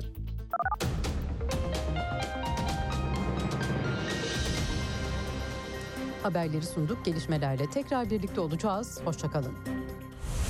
Radyo Sputnik 5 merkezden karasal yayında. İstanbul 97.8, Ankara 96.2, İzmir 91, Bursa 101.4, Kocaeli 90.2. Karasal yayınlarımızın olmadığı yerlerde tr.sputniknews.com adresinden iOS ya da Android mobil cihazınızdan Sputnik News uygulamasını indirerek dinleyebilirsiniz. Radyo Sputnik. Anlatılmayanları anlatıyoruz. Son dakika haberleri, canlı yayınlar, multimedya ve daha fazlası Sputnik Haber Ajansı'nın web sitesinde. Dünyanın küçük bir parçasını değil, tamamını anlamak istiyorsanız sputniknews.com.tr'yi tıklayın, habersiz kalmayın. Dünya kadar mesele, dünyanın tüm meseleleri. Ceyda Karan, eksende dünyada olup biten her şeyi uzman konuklar ve analistlerle birlikte masaya yatırıyor. Dünyadaki meseleleri merak edenlerin programı Ceyda Karan'la Eksen hafta içi her gün saat 16'da Radyo Sputnik'te. Radyo Sputnik artık dünyanın en çok kullanılan sosyal ağlarından biri olan Telegram'da. Hala kullanmıyorsanız önce Telegram uygulamasını mobil cihazınıza yükleyin. Ardından Radyo Sputnik'in Telegram kanalına katılın. Canlı yayınlarımızı ve programlarımızı kaçırmayın. Anlatılmayanları anlatıyoruz. Güne erken başlayanların, gündemi ıskalamayanların, siyasetin, ekonominin, sanatın, kısacası hayatın seyrini kaçırmayanların programı. Ali Çağatay'la Seyir Hali hafta içi her sabah 7'den 9'a Radyo Sputnik'te. Gazeteci Timur Soykan'ın ortaya çıkardığı Hiranur Vakfı ile ilgili haberlere geldi sıra. Kapsamlı geniş bir dosya halinde bu meseleye bakacağız bugün itibariyle. Dün söz konusu mağdur kadının e, kız kardeşleri çıktılar ve olayı yalanladılar erkek kardeşiyle birlikte. Ancak unuttukları bir gerçek vardı. Olay meydana geldiği tarihte mağdur kadın 6 yaşında. Kız kardeşlerinin biri 3 yaşında, öteki de 1 yaşında. Şimdi 3 yaşında ve 1 yaşındaki tanıklıklarıyla açıklamalar yaptılar. Tabii inandırıcı olmadı ortada. Sadece birileri çıkıp bir şeyler anlatsın demişler. Bu yüzden de öyle çıkıp anlattılar. 6 yaşındaki kızın 3 yaşındaki ve 1 yaşındaki kız kardeşleri o tarihte tanıklıklarını böyle bir şey yok deyip işin içinden çıkmaya çalıştılar ama olay çok büyük ve yaygın bir durum olup olmadığını bilmiyoruz. Fakat olayın üzerine gidilmesi için genel bir kamuoyu baskısı oluştu ortada. Cumhuriyet Halk Partisi Ankara Milletvekili Yıldırım Kaya buna ilişkin bir soru önergesi verdi. Adalet Bakanı Bekir Bozdağ'ın yanıtlama istemiyle. Soru önergesinde 5 soru var. O 5 soruyu size aktaracağım sadece. Şöyle diyor. HKG'nin doğum belgesini istemeden direkt kemik testi isteyenler hakkında bir inceleme soruşturma başlatılacak mıdır diyor Adalet Bakanı'na. 2. Savcılığın kemik testi sahteciliğiyle ilgili suç duyurusunda bulunmasına rağmen 2 yıl boyunca dava açmayanlar hakkında inceleme soruşturma başlatılacak mıdır? 3. Cemaat ve tarikatlerin elindeki çocuklar için bakanlığınız bir çalışma yürütmekte midir? 4. Cemaat ve tarikatlerin baskısıyla okula gönderilmeyen kız çocuklar için bakanlığınız ne yapmaktadır?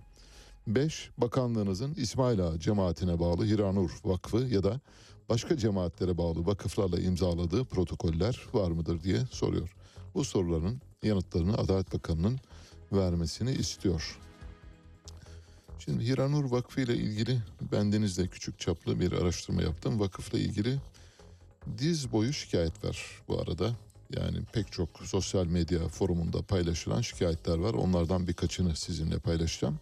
Her şeyin göz önünde olduğu ve açık açık cereyan ettiğini, örneğin İçişleri Bakanlığı'nın ya da Adalet Bakanlığı'nın bu konulara eğilmiş olması halinde bunlara müsamaha edilmeyeceğini ya da bu tür olayların yaşanmayacağını söyleyebiliriz. Çünkü çok açık şikayetler var. Mesela 17 Ekim tarihli bu yıl, bu yılın 17 Ekim tarihinde bir şikayet var. Şöyle diyor. Hiranur Derneği Karadeniz TV'de insanları yanıltmaya devam ediyor. Buna dur diyecek bir devlet yok mu bu ülkede? Ya bu nasıl bir iştir? Göz göre göre yanıltıyorlar. Bu millet bunlara nasıl inanıyor insanın aklı almıyor diyor. Derneği ve vakfı yakından tanıyan bilen bir kişinin şikayeti bu. 16 Haziran'da yine bu yılın 16 Haziran'da bir başka şikayet var. Şöyle diyor. Hiranur Derneği'ne hafız okutmaları için para yolladım. Dönüş olmadı. Mart ayından beri bekliyorum. Müşteri hizmetlerini arıyorum. Dönüş yapacağız deyip duruyorlar. Ama çözüm yok. Yardımın ulaşacağı koşulda da bizim bütün güvenimiz boşa çıktı. İnşallah yerine ulaşır diyor. Para topluyor hafızlık için ve geri dönmüyorlar. Bir para tuzağı var işin içinde. 2019 yılından bir şikayet var. Şöyle diyor. Hiranur Derneği isimli dernek numarasını vermiş. Şu numaralarından tarafımızı sürekli olarak aramakta ve rahatsız etmektedir. Dernek ve yardım adı altında insanları yanıltmakta ve tehdit içerikli aramalar yapmaktadır. Yani yapmazsanız icabınıza bakarız diye tehdit ediyorlar telefonda. Sanki mecburmuşuz gibi gönderiyoruz, satın alacaksınız diye değişik baskı verici cümleler kuruyorlar. Hiranur Derneği'nden şikayetçiyim, numaramı derhal silmelerini istiyorum. En kısa zamanda Cumhuriyet Başsavcılığı aracılığıyla suç duyurusunda bulunacağım diyor. Bir başka şikayet. Bunun gibi sayısız şikayet var. Ben sadece birkaç örneği aldım. Dolayısıyla bu örnekler bile Hiranur Derneği'nin vakfının bir suç örgütü gibi çalıştığını ortaya koyuyor. İstanbul Büyükşehir Belediyesi Hiranur Vakfı'nın binasını dün mühürledi. Belediye zabıtaları gidip bir mühürle orayı kapattılar. Mühür yazısında 3194 sayılı imar kanun, kanunun 32. ve 42. maddesi uyarınca mühür altına alınmıştır denildi. İstanbul Büyükşehir Belediyesi'ne bağlı zabıta ekipleri tarikat üyelerine mühürleme öncesi resmi yazıyı tebliğ etti. Resmi yazıda vakıf binasının yasaya aykırı olarak inşa edildiği ifade edildi. Peki bu vakıf binasına yasaya aykırı olarak ruhsatı veren kim? Onu da veren bir AK Partili belediye başkanı. AK Partili belediye başkanı Sancaktepe Belediye Başkanlığı 2022'de Ağustos ayında yer alan bir haberde görüyoruz ki vakfın bu binasının yasal hale getirilmesiyle ilgili bir imar planı değişikliği yapmış. İranur Vakfı'nın Sancaktepe'deki binaları imara aykırı. AK Partili Sancaktepe Belediyesi geçtiğimiz Mart ayında vakfın imara aykırı binalarını imar değişikliğiyle yasal hale getirdi. Sancaktepe'deki 12 dönümlük arazi üzerinde bulunan vakfın merkezi 5 blokluk dershane, yatakhane ve aşevinden oluşan binaların bir kısmının imar sorunu AK Partili Sancaktepe Belediye Meclisi'nin Mart ayı oturumlarında çözüldü ve parsel yasal kılıfına kavuştu. Demek ki göz göre göre ortaya çıkan bir durum var. Tabii o tarihte Büyükşehir Belediyesi bundan haberdar mıydı? Elbette haberdardı. Herhangi bir girişimde bulundu mu? Hayır bulunmadı. Peki bugün niye bulunuyor? Eh işte oklar döndü tabii. Şartlar değiştiği için bugün Büyükşehir Belediyesi de elbette tek tek bütün binaların arsa, imar, ruhsatların araştırması söz konusu olamaz böyle bir şey. Şikayete bağlı olması lazım. Şikayet varsa ve yerine getirilmediyse o durumda İstanbul Büyükşehir Belediyesi de görevini yapmamış sayılabilir. İmar planı değişikliğiyle bu arada bir imar planı Google e, görüntüsü var. Onu da arkadaşlarımız paylaşırsa göreceksiniz. Plan değişikliği yapılan parseli gösteren bir yer, e, yeri işaret eden bir ok var. Oradan göreceksiniz. İmar planı değişikliği vakfın merkezinin ve yatılı Kur'an kursunun bitişiğindeki bulunan vakfa ait toplam 4210 metrekarelik alanın açık kapalı spor semt alanı olarak yapılması gerekirken bu plan iptal ediliyor. Yani vatandaşlara bir spor alanı olarak tahsis edilen bölgenin planını iptal ediyor Sancaktepe Belediyesi ve özel eğitim tesisi alanına dönüştürüyor. Plan raporunda parsel üzerinde vakfa ait yapıların bulunduğu bildiriliyor. Türkiye Büyük Millet Meclisi Başkanı Profesör Doktor Mustafa Şentop bu konuya ilişkin bir açıklama yaptı. Yetkililerin açıklamalarını tek tek paylaşacağız bundan sonra, bugünden sonra. Çünkü bu bir turnasol kağıdı gibi bu işe evet diyenler, hayır diyenler, hayır öyle değil böyle diyenler var. Öyle değil böyle diyenlerin e, seslerini duyuracağız. Birazdan iki ses kaydı da dinleteceğiz size.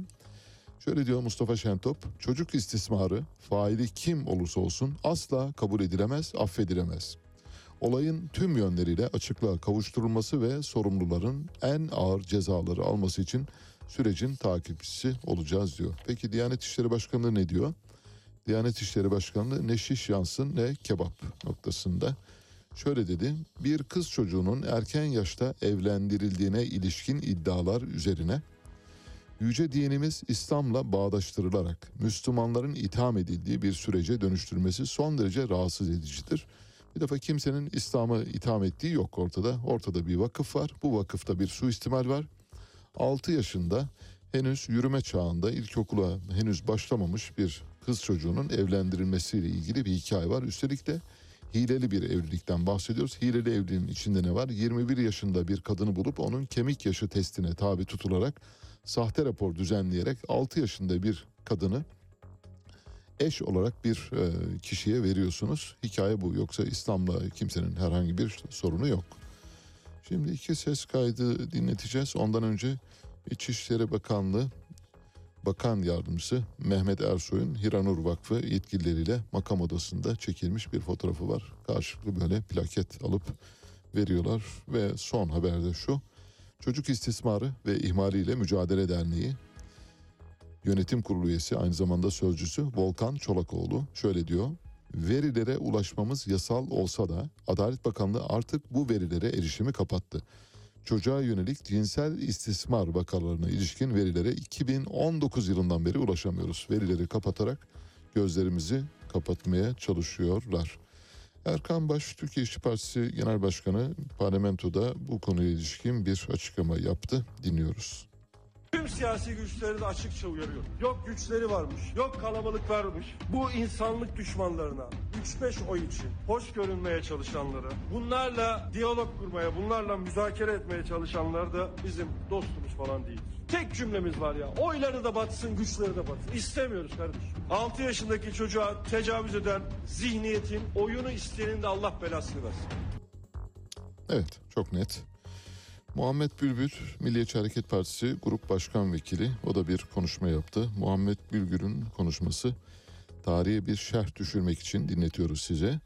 Neredeyse Hiranur Vakfı'nın herhangi bir şekilde suçlu olmadığını ve vakfın e, gereksiz yere suçlandığını iddia ediyor. Dinliyoruz. Mesele bir şahıs tarafından cinsel istismar suçu bir şahıs tarafından işlenmiş bir suç.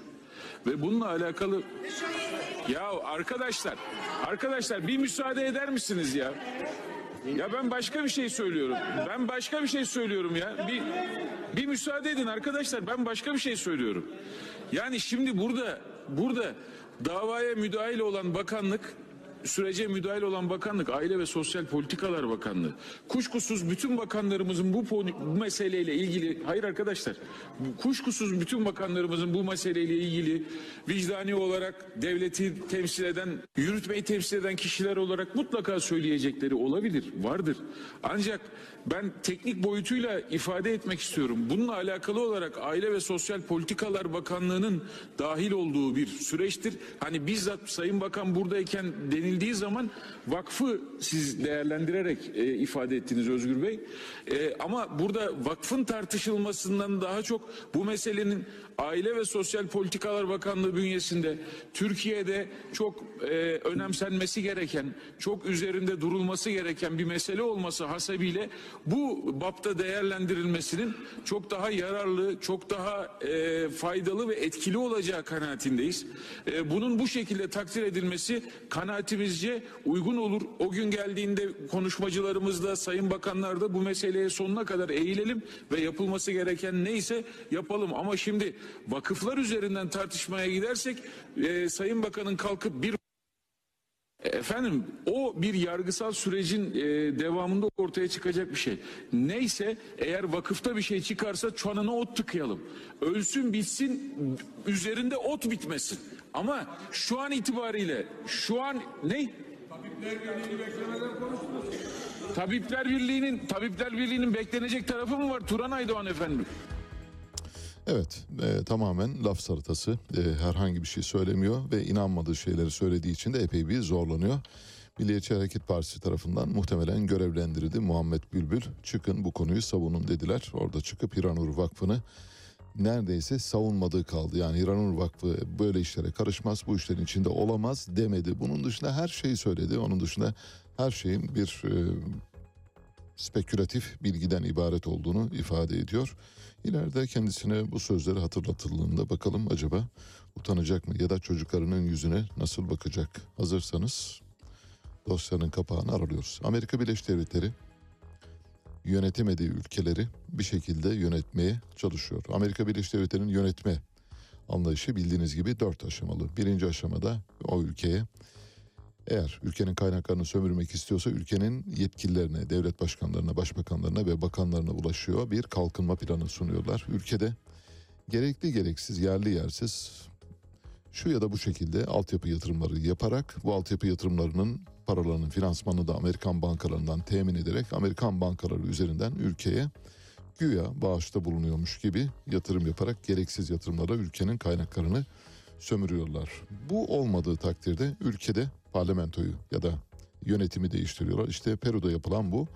Bu da olmadığı takdirde ülkenin milli ordusuna darbe yaptırıyor Amerika Birleşik Devletleri. Bu da olmadığı takdirde bizzati Amerikan ordusu o ülkeyi işgal ederek duruma son veriyor. Amerika bir ülkeye eğer karar verdiyse, taktıysa sonsuz bir Azrail'in pençesinden kurtulmak mümkün ama Amerika'dan kurtulmak maalesef zor.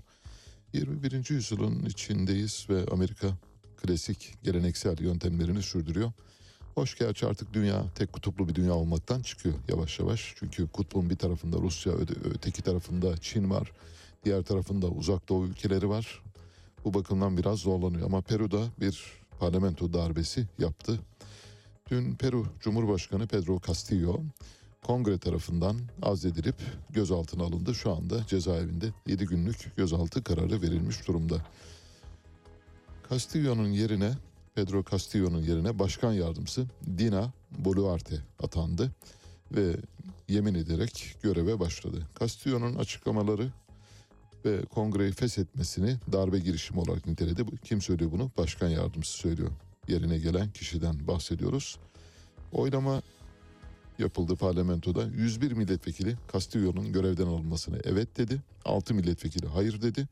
10 milletvekili de çekimser oy kullandı. Şimdi Castillo görevden alınınca birdenbire gemiyi önce fareler terk eder derler. Castillo'nun en yakındaki isimler, bütün bakanları, danışmanları, şunlar bunlar Castillo'yu suçlayarak görevlerinden ayrıldılar.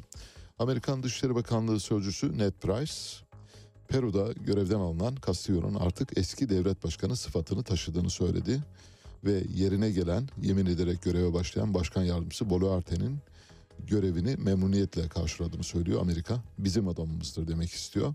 Peru Büyükelçisi Lisa Kenna da Twitter hesabından yaptığı açıklamayla Castillo'nun kongreyi feshetme girişimini anayasaya aykırı olarak nitelendirdi. Kongreyi feshetme girişimi vardı ama kongre başkanı görevden aldı. Dolayısıyla bir darbe var. Darbede başarılı olan daima meşru sayılıyor. Bu durumda darbeyi yapanlar meşru sayılıyor. Yani parlamento burada meşru bir kimlik kazanmış durumda. Castillo meşru hükümete karşı ayaklanma başlatmak suçlamasıyla şu anda gözaltında bulunuyor. Peru Dışişleri Bakanı istifa etti. Peru Dışişleri Bakanı Cesar Landa inançlarıma, demokratik ve anayasal değerlere sıkı sıkıya bağlı kalarak Cumhurbaşkanı Castillo'nun anayasayı ihlal ederek kongreyi kapatma kararı karşısında Dışişleri Bakanlığı görevinden geri dönülmez bir şekilde istifa etmeye karar verdim diyor.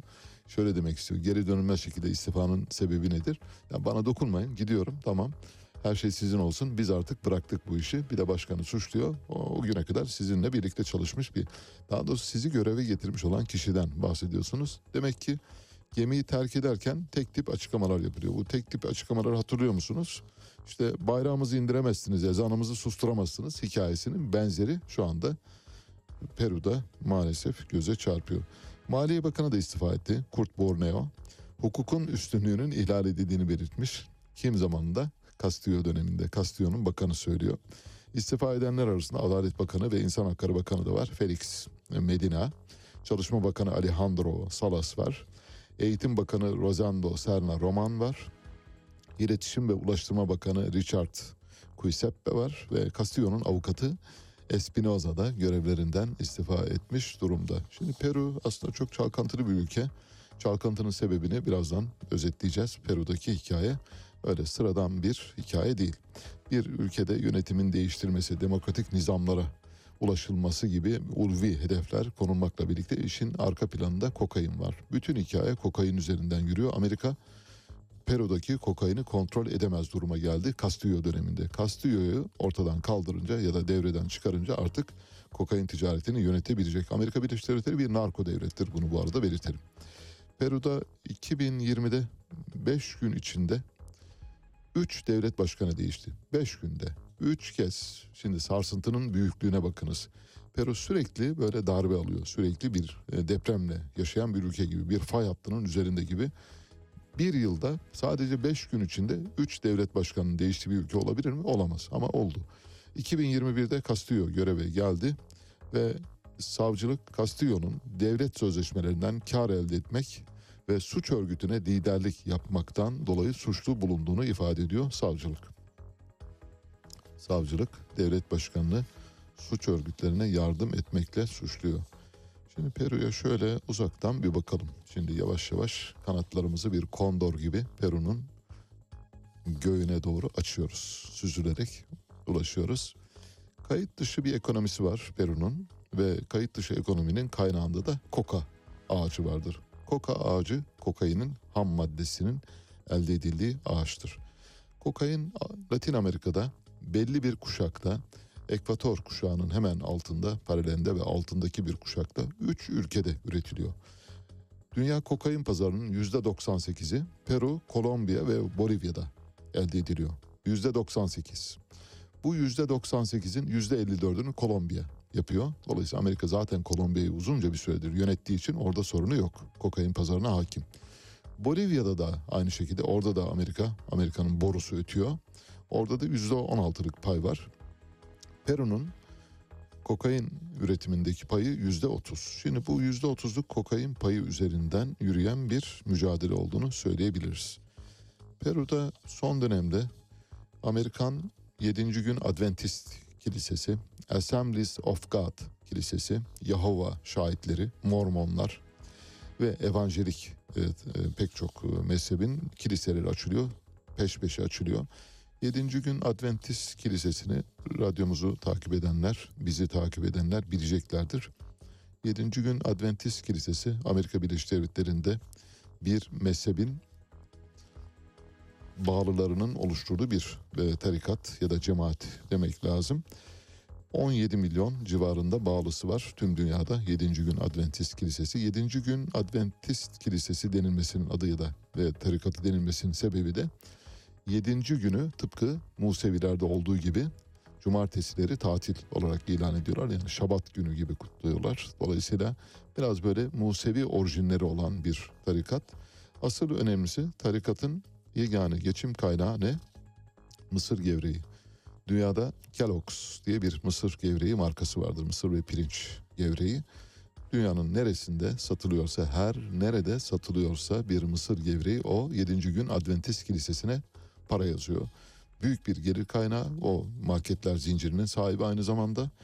Geçtiğimiz günlerde havalimanında dün Ankara'daydım bir e, paneli yönetmek üzere e, gittim. O panelden dönerken havalimanı CIP e, salonunda bir iş insanı işte beni tanıdığını söyledi geldi selamlaştık biraz sohbet ettik. Ee, nereye gidiyorsunuz dedim ben İstanbul'a mı? Zaten hani İstanbul'a gidiliyor da o e, CIP'den elbet başka yere gidenler de var. Evet İstanbul'a gidiyorum dedi. Niçin? İstanbul'dan Katar'a gideceğiz dedi.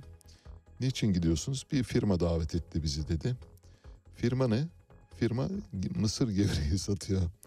Mısır gevreği satan firma topu topu iki tane marketi var bakın bu arada. İki marketten oluşan bir zincirden bahsediyoruz. O kadar çok mısır gevreği sattık ki abi diyor. Firma diyor bizi Katar'a maça davet ediyor. Yarı final maçını izlemeye gidiyorlar iki arkadaş. Mısır gevreği. Nasıl? Yedinci gün Adventist Kilisesi'ni hafife almayınız. Şu anda buradaki darbenin aslında geri plandaki unsurlardan bir tanesi de o. Şimdi koka ağacına bakalım. Kokaine geliyoruz yavaş yavaş. Yani darbenin sebebi koka. Küçük bir ağaç böyle bodur bir ağaç. 1-2 metre boyunda bir ağaç. Güney Amerika'da e, bulunuyor. Dünyanın başka ülkelerinde de deneysel amaçlı ama daha çok e, ticari olmayan amaçlarla yetiştirilebiliyor. Arjantin'de, Bolivya'da, Peru'da, Ekvador'da ve Kolombiya'da e, yoğun miktarda yetiştiriliyor bütün dünya kokain ticaretin, kokain e, ekiminin ya da koka yaprağı ekiminin e, yüzde otuzunu Peru tek başına karşılıyor. Toplam e, kokain üretiminin de yüzde doksan sekizini bu üç ülke, Kolombiya, Peru ve Bolivya karşılıyor. Yapraklarında bir miktar e, kokain var. Bu kokain miktarı yaprağın 0.25'i, yüzde 0.25'e kadar. Yani bayağı böyle suyunu sıkıyorsunuz. E, güç bela bir miktar böyle bir bir damlacık şey alabiliyorsunuz kokain alıyorsunuz. Ant dağlarında e, yaşayan yerler İnkalar e, ve Aztek yerlileri koka yaprağı çiğniyorlar. Oraya gidenler varsa bilirler e, böyle herkes böyle oturur geviş getirir gibi çiğnerler. Damaklarının bir tarafında bir koka yaprağı vardır. Kolombiya, Peru ve Peru, Bolivya dediğimiz gibi %98'ine sahip.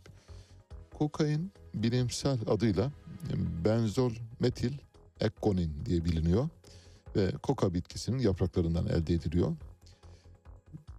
Kokain alındığında insan vücudunda neler oluyor derseniz mesela kokaini almaya başladığınız andan itibaren bir hoş enerji yayılıyor. Fakat beri yanda kokaini almaya devam ettiğiniz takdirde dopamin salgılanması azalıyor. Adrenalin salgılanması azalıyor serotonin salgılanması azalıyor. Bu üç hormon da mutluluk hormonu değil mi? Bize güç katan, mutluluk veren hormonlar. Bu hormonların salgılanmasını azaltıyor. Kokain dozu arttıkça, kokain bağımlılığına geliyorum. Kokain dozu arttıkça söz konusu hormonların salgılanması giderek azalıyor. Bir noktadan sonra sıfırlanıyor. Artık o noktadan sonra kokain de alsanız her ne alırsanız alın mutsuz hissediyorsunuz. Mutsuz hissettiğiniz için de intihara sürükleniyorsunuz. Tıp haricinde kullanılması dünyanın hemen hemen bütün ülkelerinde yasak ve 1880'de bir Amerikalı cerrah tarafından bulunuyor. William Halsted. William Halsted tesadüfen keşfediyor. Fakat William Halsted o kadar hoşuna gidiyor ki kendisi ve asistanları da denemeye başlıyorlar. William Halsted ve asistanları da kokain bağımlısı olup ölüyorlar bu arada. Kokain hidroklorürün %1.4'lük çözeltisi yani birlik ya da bir buçukluk çözeltisi ağız ve burun muko- mukozalarında kullanılıyor. Fakat fazla kullanınca sinir sistemini felç ediyor, ölümlere yol açabiliyor. Düşük dozları kana geçtiğinde zindelik veriyor. Böyle kendinizi güçlü hissediyorsunuz. Büyük bir libido patlaması yaşanıyor. Ancak dediğimiz gibi uzun bir süre kullandığınız takdirde sizde mutsuzluk yaratabiliyor. Bütün hikayenin arka planında bu var. Peki acaba Peru ile neden bu kadar çok uğraşıyor? Çünkü Peru bir dünya cenneti. Peru'da o kadar çok ilk var ki ilk ve tek diyebileceğimiz yani sadece kokain üretimiyle kendini var eden bir ülke değil aynı zamanda dünyanın nadir doğalarından bir tanesi. Bir defa çok yüksek bir platonun üzerinde kurulu Peru. Mesela Machu Picchu denilen bir tatil beldesi vardır. Vahşi bir tatil beldesi. Gidenler varsa bilirler. Bendeniz görmedim ama Machu Picchu biraz böyle vahşi doğanın kucağında ve turistler bakımından da çok güvenilir olmadığı söylenir. Hani Machu Picchu'ya mı gidiyorsunuz ha dikkat edin falan derlermiş e, Peru'ya gidenler için.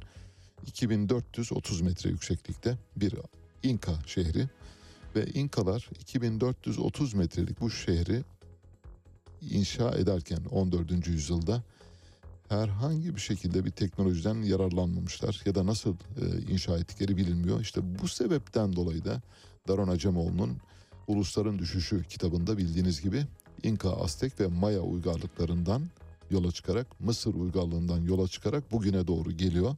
İşte Mısır, İnka, Aztek ve Maya uygarlıklarının günün koşullarına göre birkaç yüzyıl hatta birkaç bin yıl önde olmasının sebeplerini araştırırken toplumsal paylaşmaya, toplumsal rızaya yer veriyor. Eğer bu ülkeler iyi yönetiliyorlarsa bir yere doğru gelirler. Tıpkı tarih öncesi Mısır'da olduğu gibi, tıpkı tarih öncesi e, Latin Amerika'da olduğu gibi.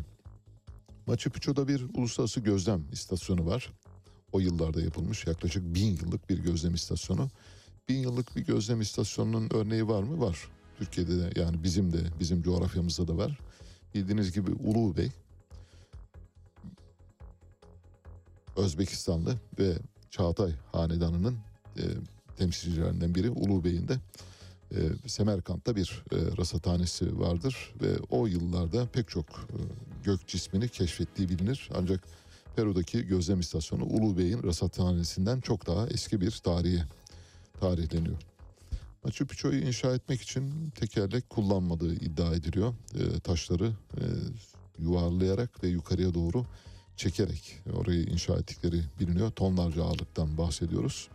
Dünyanın en yüksek kumulu bu arada Peru'da en yüksek 1176 metre yükseklikte. Bu yükseklikte başka bir kumul yok. Biraz Tibet'te var ama bu yükseklikte kumul bildiğiniz gibi işte deniz seviyesine çok yakın yerlerde olur. İşte Suudi Arabistan, Körfez ülkelerinin tamamında kumullar var. Ve keza Çin'de büyük bir bölge ve Latin Amerika'da da keza e, Şili'de bir büyük çölün olduğunu biliyoruz. Titicaca Gölü dünyanın en yüksek gölü 3810 metre yükseklikte bir turizm cenneti. Yani Titicaca Gölü'ne, Machu Picchu'ya gidebilmek için insanlar hayatlarında ödemedikleri paraları ödüyorlar. Dünyanın en derin kanyonu da bu arada Peru'da. 3535 metre yüksekliğinde bir kanyon. Dünyada bir benzeri yok. Şu ana kadar bakın dikkat ettiyseniz ilkler ve teklerin ülkesinden bahsediyoruz. Bir de dünyanın en gizemli Nazca çizgileri denilen bir çizgileri var. Bir e, hieroglif biçiminde resmedilmiş. Neden olduğu bilinmiyor. Hayvan figürlerine benzetiliyor, insan figürlerine benzetiliyor. 1927'de keşfediliyor bu figürler ve uzaylıların işi olduğu iddia ediliyor ve dünyanın en devasa, en heybetli, en uzun süre uçan kuşu da yine Peru orijinli Peru'nun Ant dağlarında yaşayan Ant kondoru. Ant kondoru bir görkemli yaratık. 15 kilo civarında fakat kanatlarını açtığı zaman 3,5 metre yapıyor. 3,5 metrelik bir bir Airbus kanadı gibi kanatları var. Hiç kanat çırpmadan saatlerce uçabiliyor. O kanadın yarattığı şeyle e, aerodinamikle saatlerce uçabiliyor. Süzülerek gidebiliyor. Böylesine güzel bir ülke. Bu ülkeden Amerika Birleşik Devletleri yeni bir ülke çıkarmaya çalışıyor. Dün itibariyle Castillo'nun gözaltına alınmasıyla birlikte Amerika Birleşik Devletleri'nin artık orayı istediği gibi yönetebileceği ve kokain ticaretini de kontrol edebileceği bir süreç olduğunu söyleyebiliriz. Kokain demişken mesela Coca-Cola geçmiş yıllarda ürünlerinde koka kullandı, koka özü kullandığına dair bazı haberler vardı. Bu haberler e, biraz spekülatif. E, 1800'lü yıllarda ilk e, Coca-Cola yapıldığında bir müddet bir dönem koka yaprağı kullanmış. Koka özütü kullanmış. O yüzden de içenler bayağı bir sarhoşluk duygusu içinde kalabiliyorlardı. Ee, bu iddianın kaynağı Fransa'nın en çok satan dergilerinden e, birine ait. Ee, Avrupa'da gündeme oturmuştu. Coca-Cola ve Pepsi tarafından üretilenler de dahil olmak üzere 19 farklı meşrubat ürününü laboratuvarda test ettiler Fransızlar ve test sonuçlarını yayımladılar bundan 10 yıl kadar önce. 19 markanın 10'unda düşük miktarda alkol ve bir, bir miktar kokaine rastladılar. Coca-Cola Fransa'nın direktörü olan Michael Pepin bazı meyve özleri alkol kalıntıları taşıyabiliyor dedi. Alkol kullanmıyoruz diye kendilerini savunmaya çalıştılar ama koka ile ilgili herhangi bir savunu yok. Her ülkede değil bazı ülkelerde üretildiği öne sürülüyor. Tüm içeceklerde e, olduğu gibi mesela şeker çok kullanılıyor tabii doğal olarak. 100 gram 1 litresinde 100 grama yakın şeker var. 1 küp şeker 4 gram. 1 litre kolada 25 küp şekerden fazla şeker var. Kola içenlere buradan bir kez daha hatırlatmış olalım. Coca-Cola'nın içeriğinde bir e, koka yaprağı özütü kullanılıp kullanmadığı ile ilgili iddialar tamamen söylentiden ibaret. E, Coca-Cola bunu yalanladı. Pepsi yalanladı. Diğer meşrubat üreticileri de yalanladılar ama ilk yıllarda, ilk üretim yıllarında koka özütü kullanıldığı biliniyor. Peki böylece Peru darbesini de anlamış olduk. Bir yaklaşık 5 dakika sonra bir telefon bağlantımız olacak. Yerli otomobille ilgili birkaç küçük paylaşımda bulunacağım. Bildiğiniz gibi yerli otomobil TOK şu anda İstanbul Havalimanı'nın dış hatlar terminalinde bir yerde sergileniyor. Otomobilin üretilip üretilmediğini bilmiyoruz. Bir seri üretim var mı yok mu bunu bilmiyoruz. Fabrikanın içinden seri üretim yapıldığına ve şakır şakır üretildiğine dair görüntüler yok. Böyle bir şey olmuş olsaydı muhtemelen şu ana kadar havuz medyası ya da son dönemde yakıştırılan ismiyle yatık medya bunu her gün gündem yapabilirdi. Belli ki bir az sayıda üretim var ve sipariş de almıyor ayrıca TOK. Çünkü e, üretimin ne zaman yapılacağı belli değil. Sadece Mart ayında ilk TOG'un yollarda olacağı biliniyor. Otomobil üretmek elbette önemli. Fakat hani böyle çok büyütürseniz dünyada otomobil yerli otomobil üreten kaç ülke var derseniz sayısız ülke var. Mesela birazdan birkaç ülkenin adından bahsedeceğim. Aa onların da varmış falan diyeceksiniz. O kadar. Otomobil üretmek artık yani 1800 yıllardan bu yana herkesin böyle yıllardır ve sürekli yapa geldiği ve artık bir e, doğal manipülasyon kazandığı bir işten bahsediyoruz. Fakat Türkiye'de o kadar büyük bir propaganda aygıtı var ki yerli otomobille bütün dertlerimizin biteceği tahmin ediliyor. Şu anda dünyada en fazla otomobil yerli kendine ait otomobil markasına sahip olan ülke Amerika Birleşik Devletleri. Amerika Birleşik Devletleri'nin 14 markası var. Bu ilkten Chevrolet'e, Chrysler'den Dodge'a kadar, Hummer'dan Ford'a kadar, e, Lincoln'den Pontiac'a kadar, Cadillac'tan Tesla'ya kadar e, pek çok otomobili var. Amerikan tam 14 markası var. Ondan sonra Japonya geliyor. Japonya'nın işte Toyota, Nissan, Honda, Suzuki, Subaru, Mazda, Lexus e, gibi markaları var. 10 markası var. İngiltere'nin 9 markası var. Aston Martin, Bentley, Jaguar, Land Rover, Lotus, McLaren, Rolls-Royce gibi markaları var. Çin'in 14 markası var. Pek çoğu az biliniyor ama Çin'in kendi içinde satılıyor bunlar daha çok.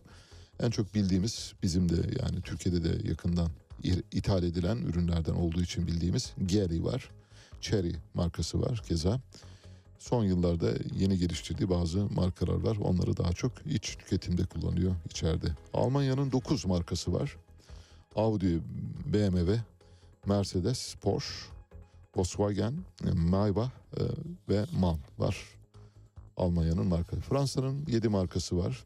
Alpine, Bugatti, Citroen, Peugeot, Renault ve Opel markaları. Opel yarı Alman yarı Fransız şu anda ortaklık olarak yürütülüyor.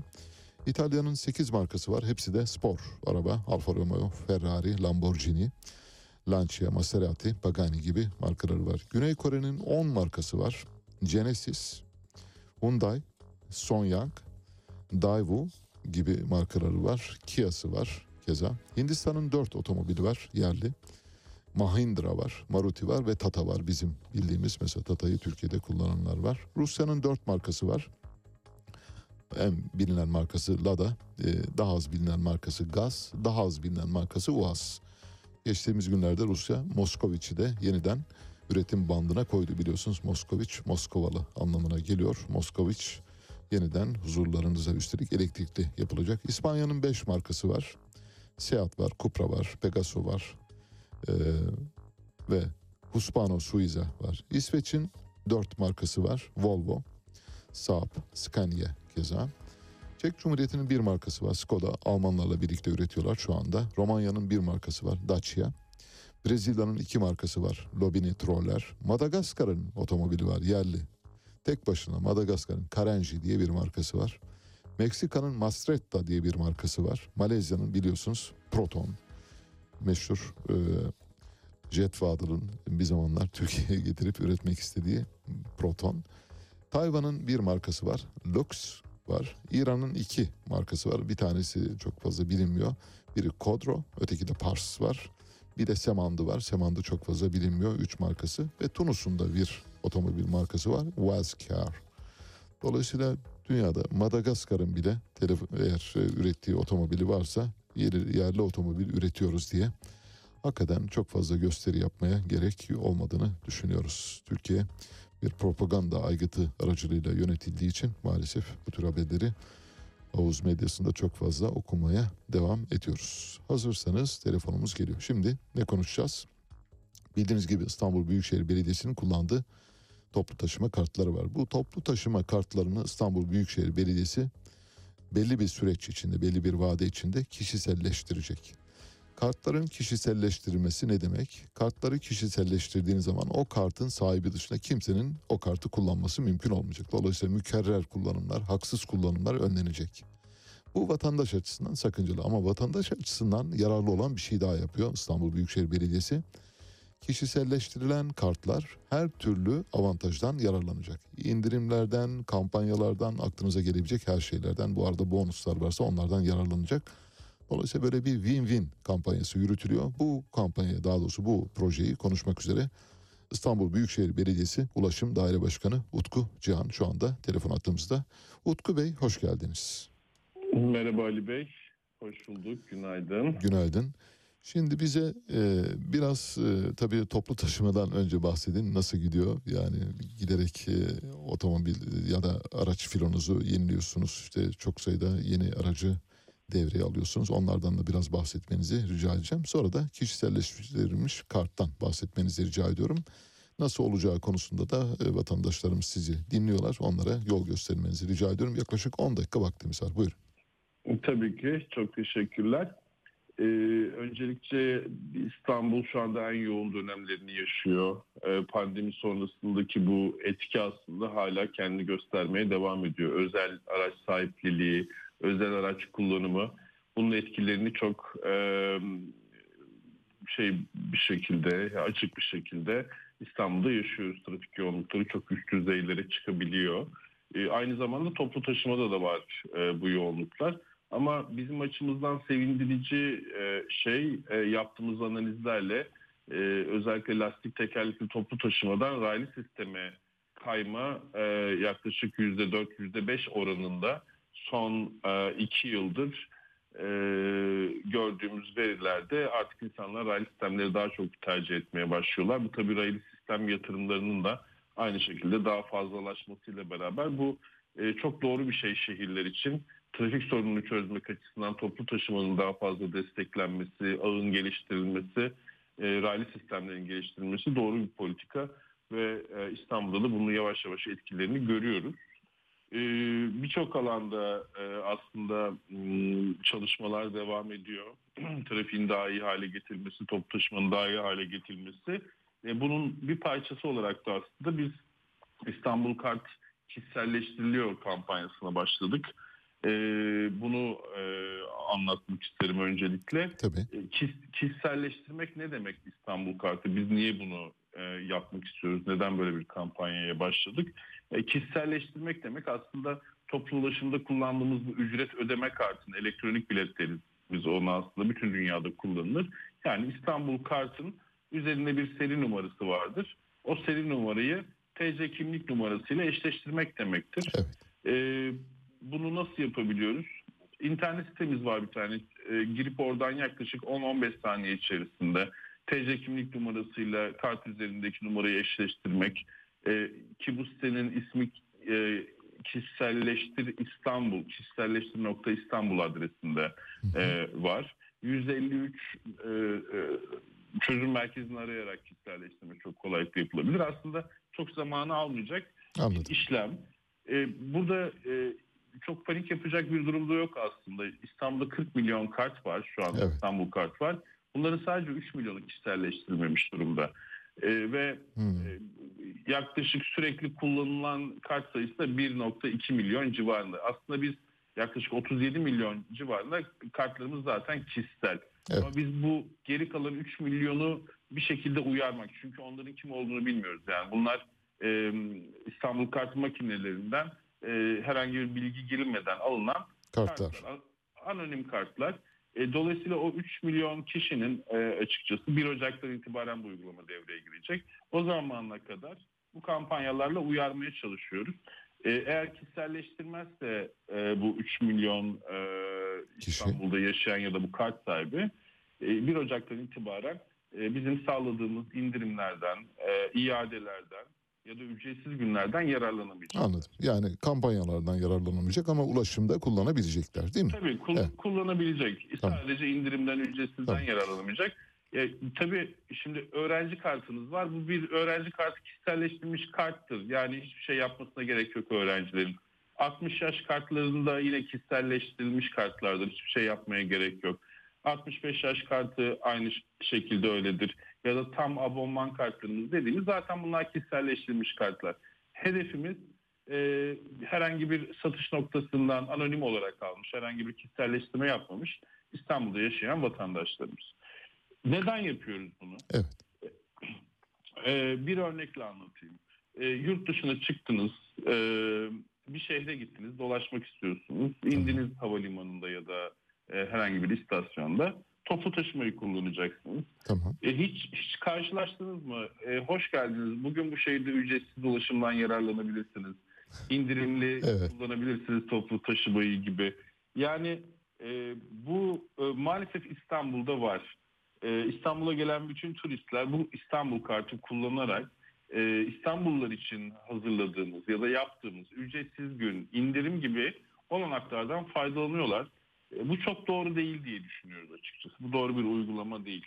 Yani biz bu, biz bütün bu kampanyaları İstanbullular için yapıyoruz ama İstanbul'da örneğin e, turistik yerlerde görürüz bu satış noktalarında makinelerin önünde turist kuyrukları vardır. Turistler e, bu İstanbul kartı alırlar. Hatta arada birisi de vardır onlara yardım eden. Evet. E, ve bununla beraber ücretsiz günlerde ücretsiz seyahat ederler. E, dolayısıyla bu, bunun bir maliyeti var İstanbul'da.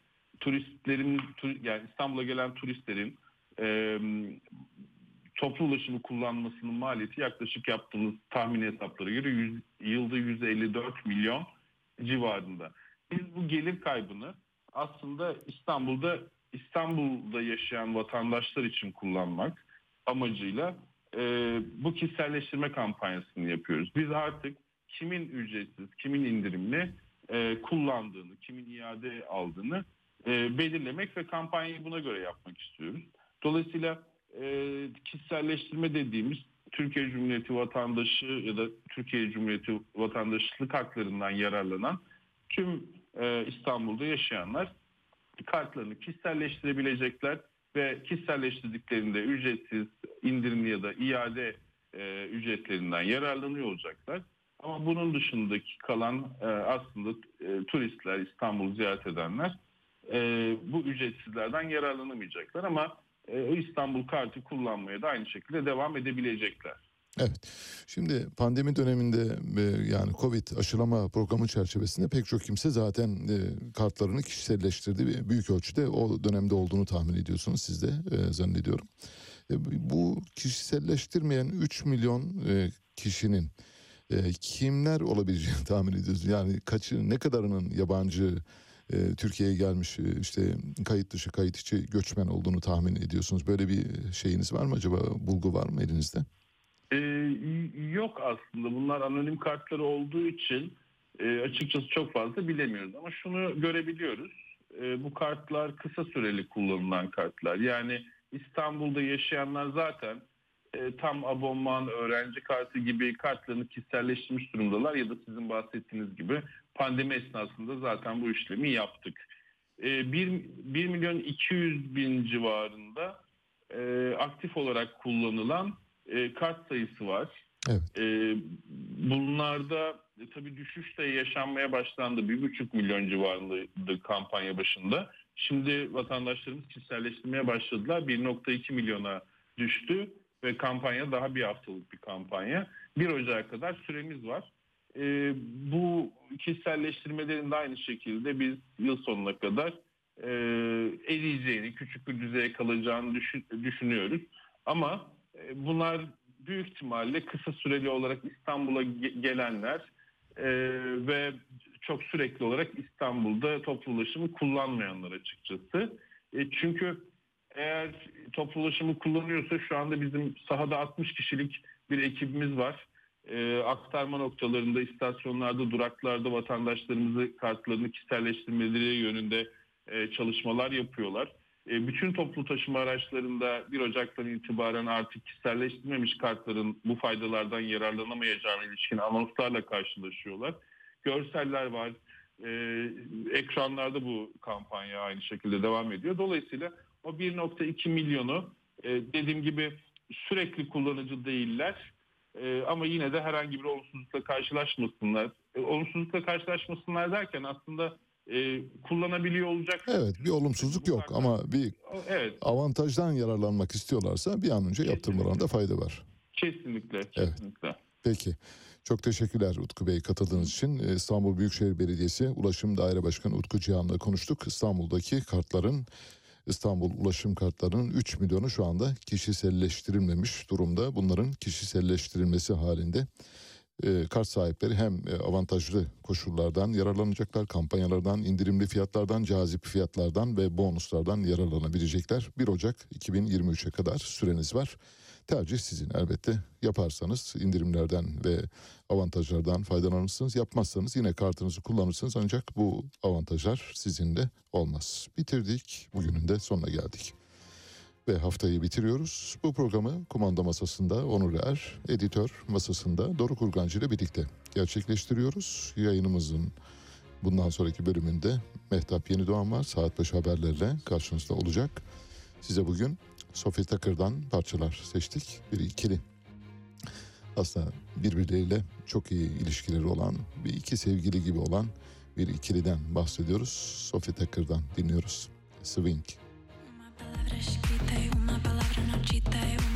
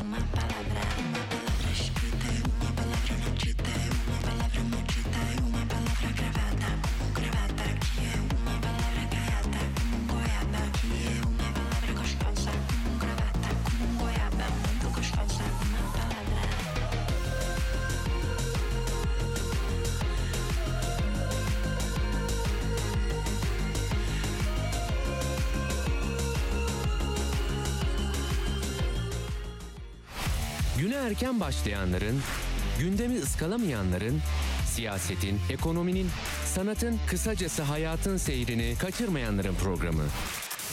Ali Çağatay'la Seyir Hali hafta içi her sabah 7'den 9'a Radyo Sputnik.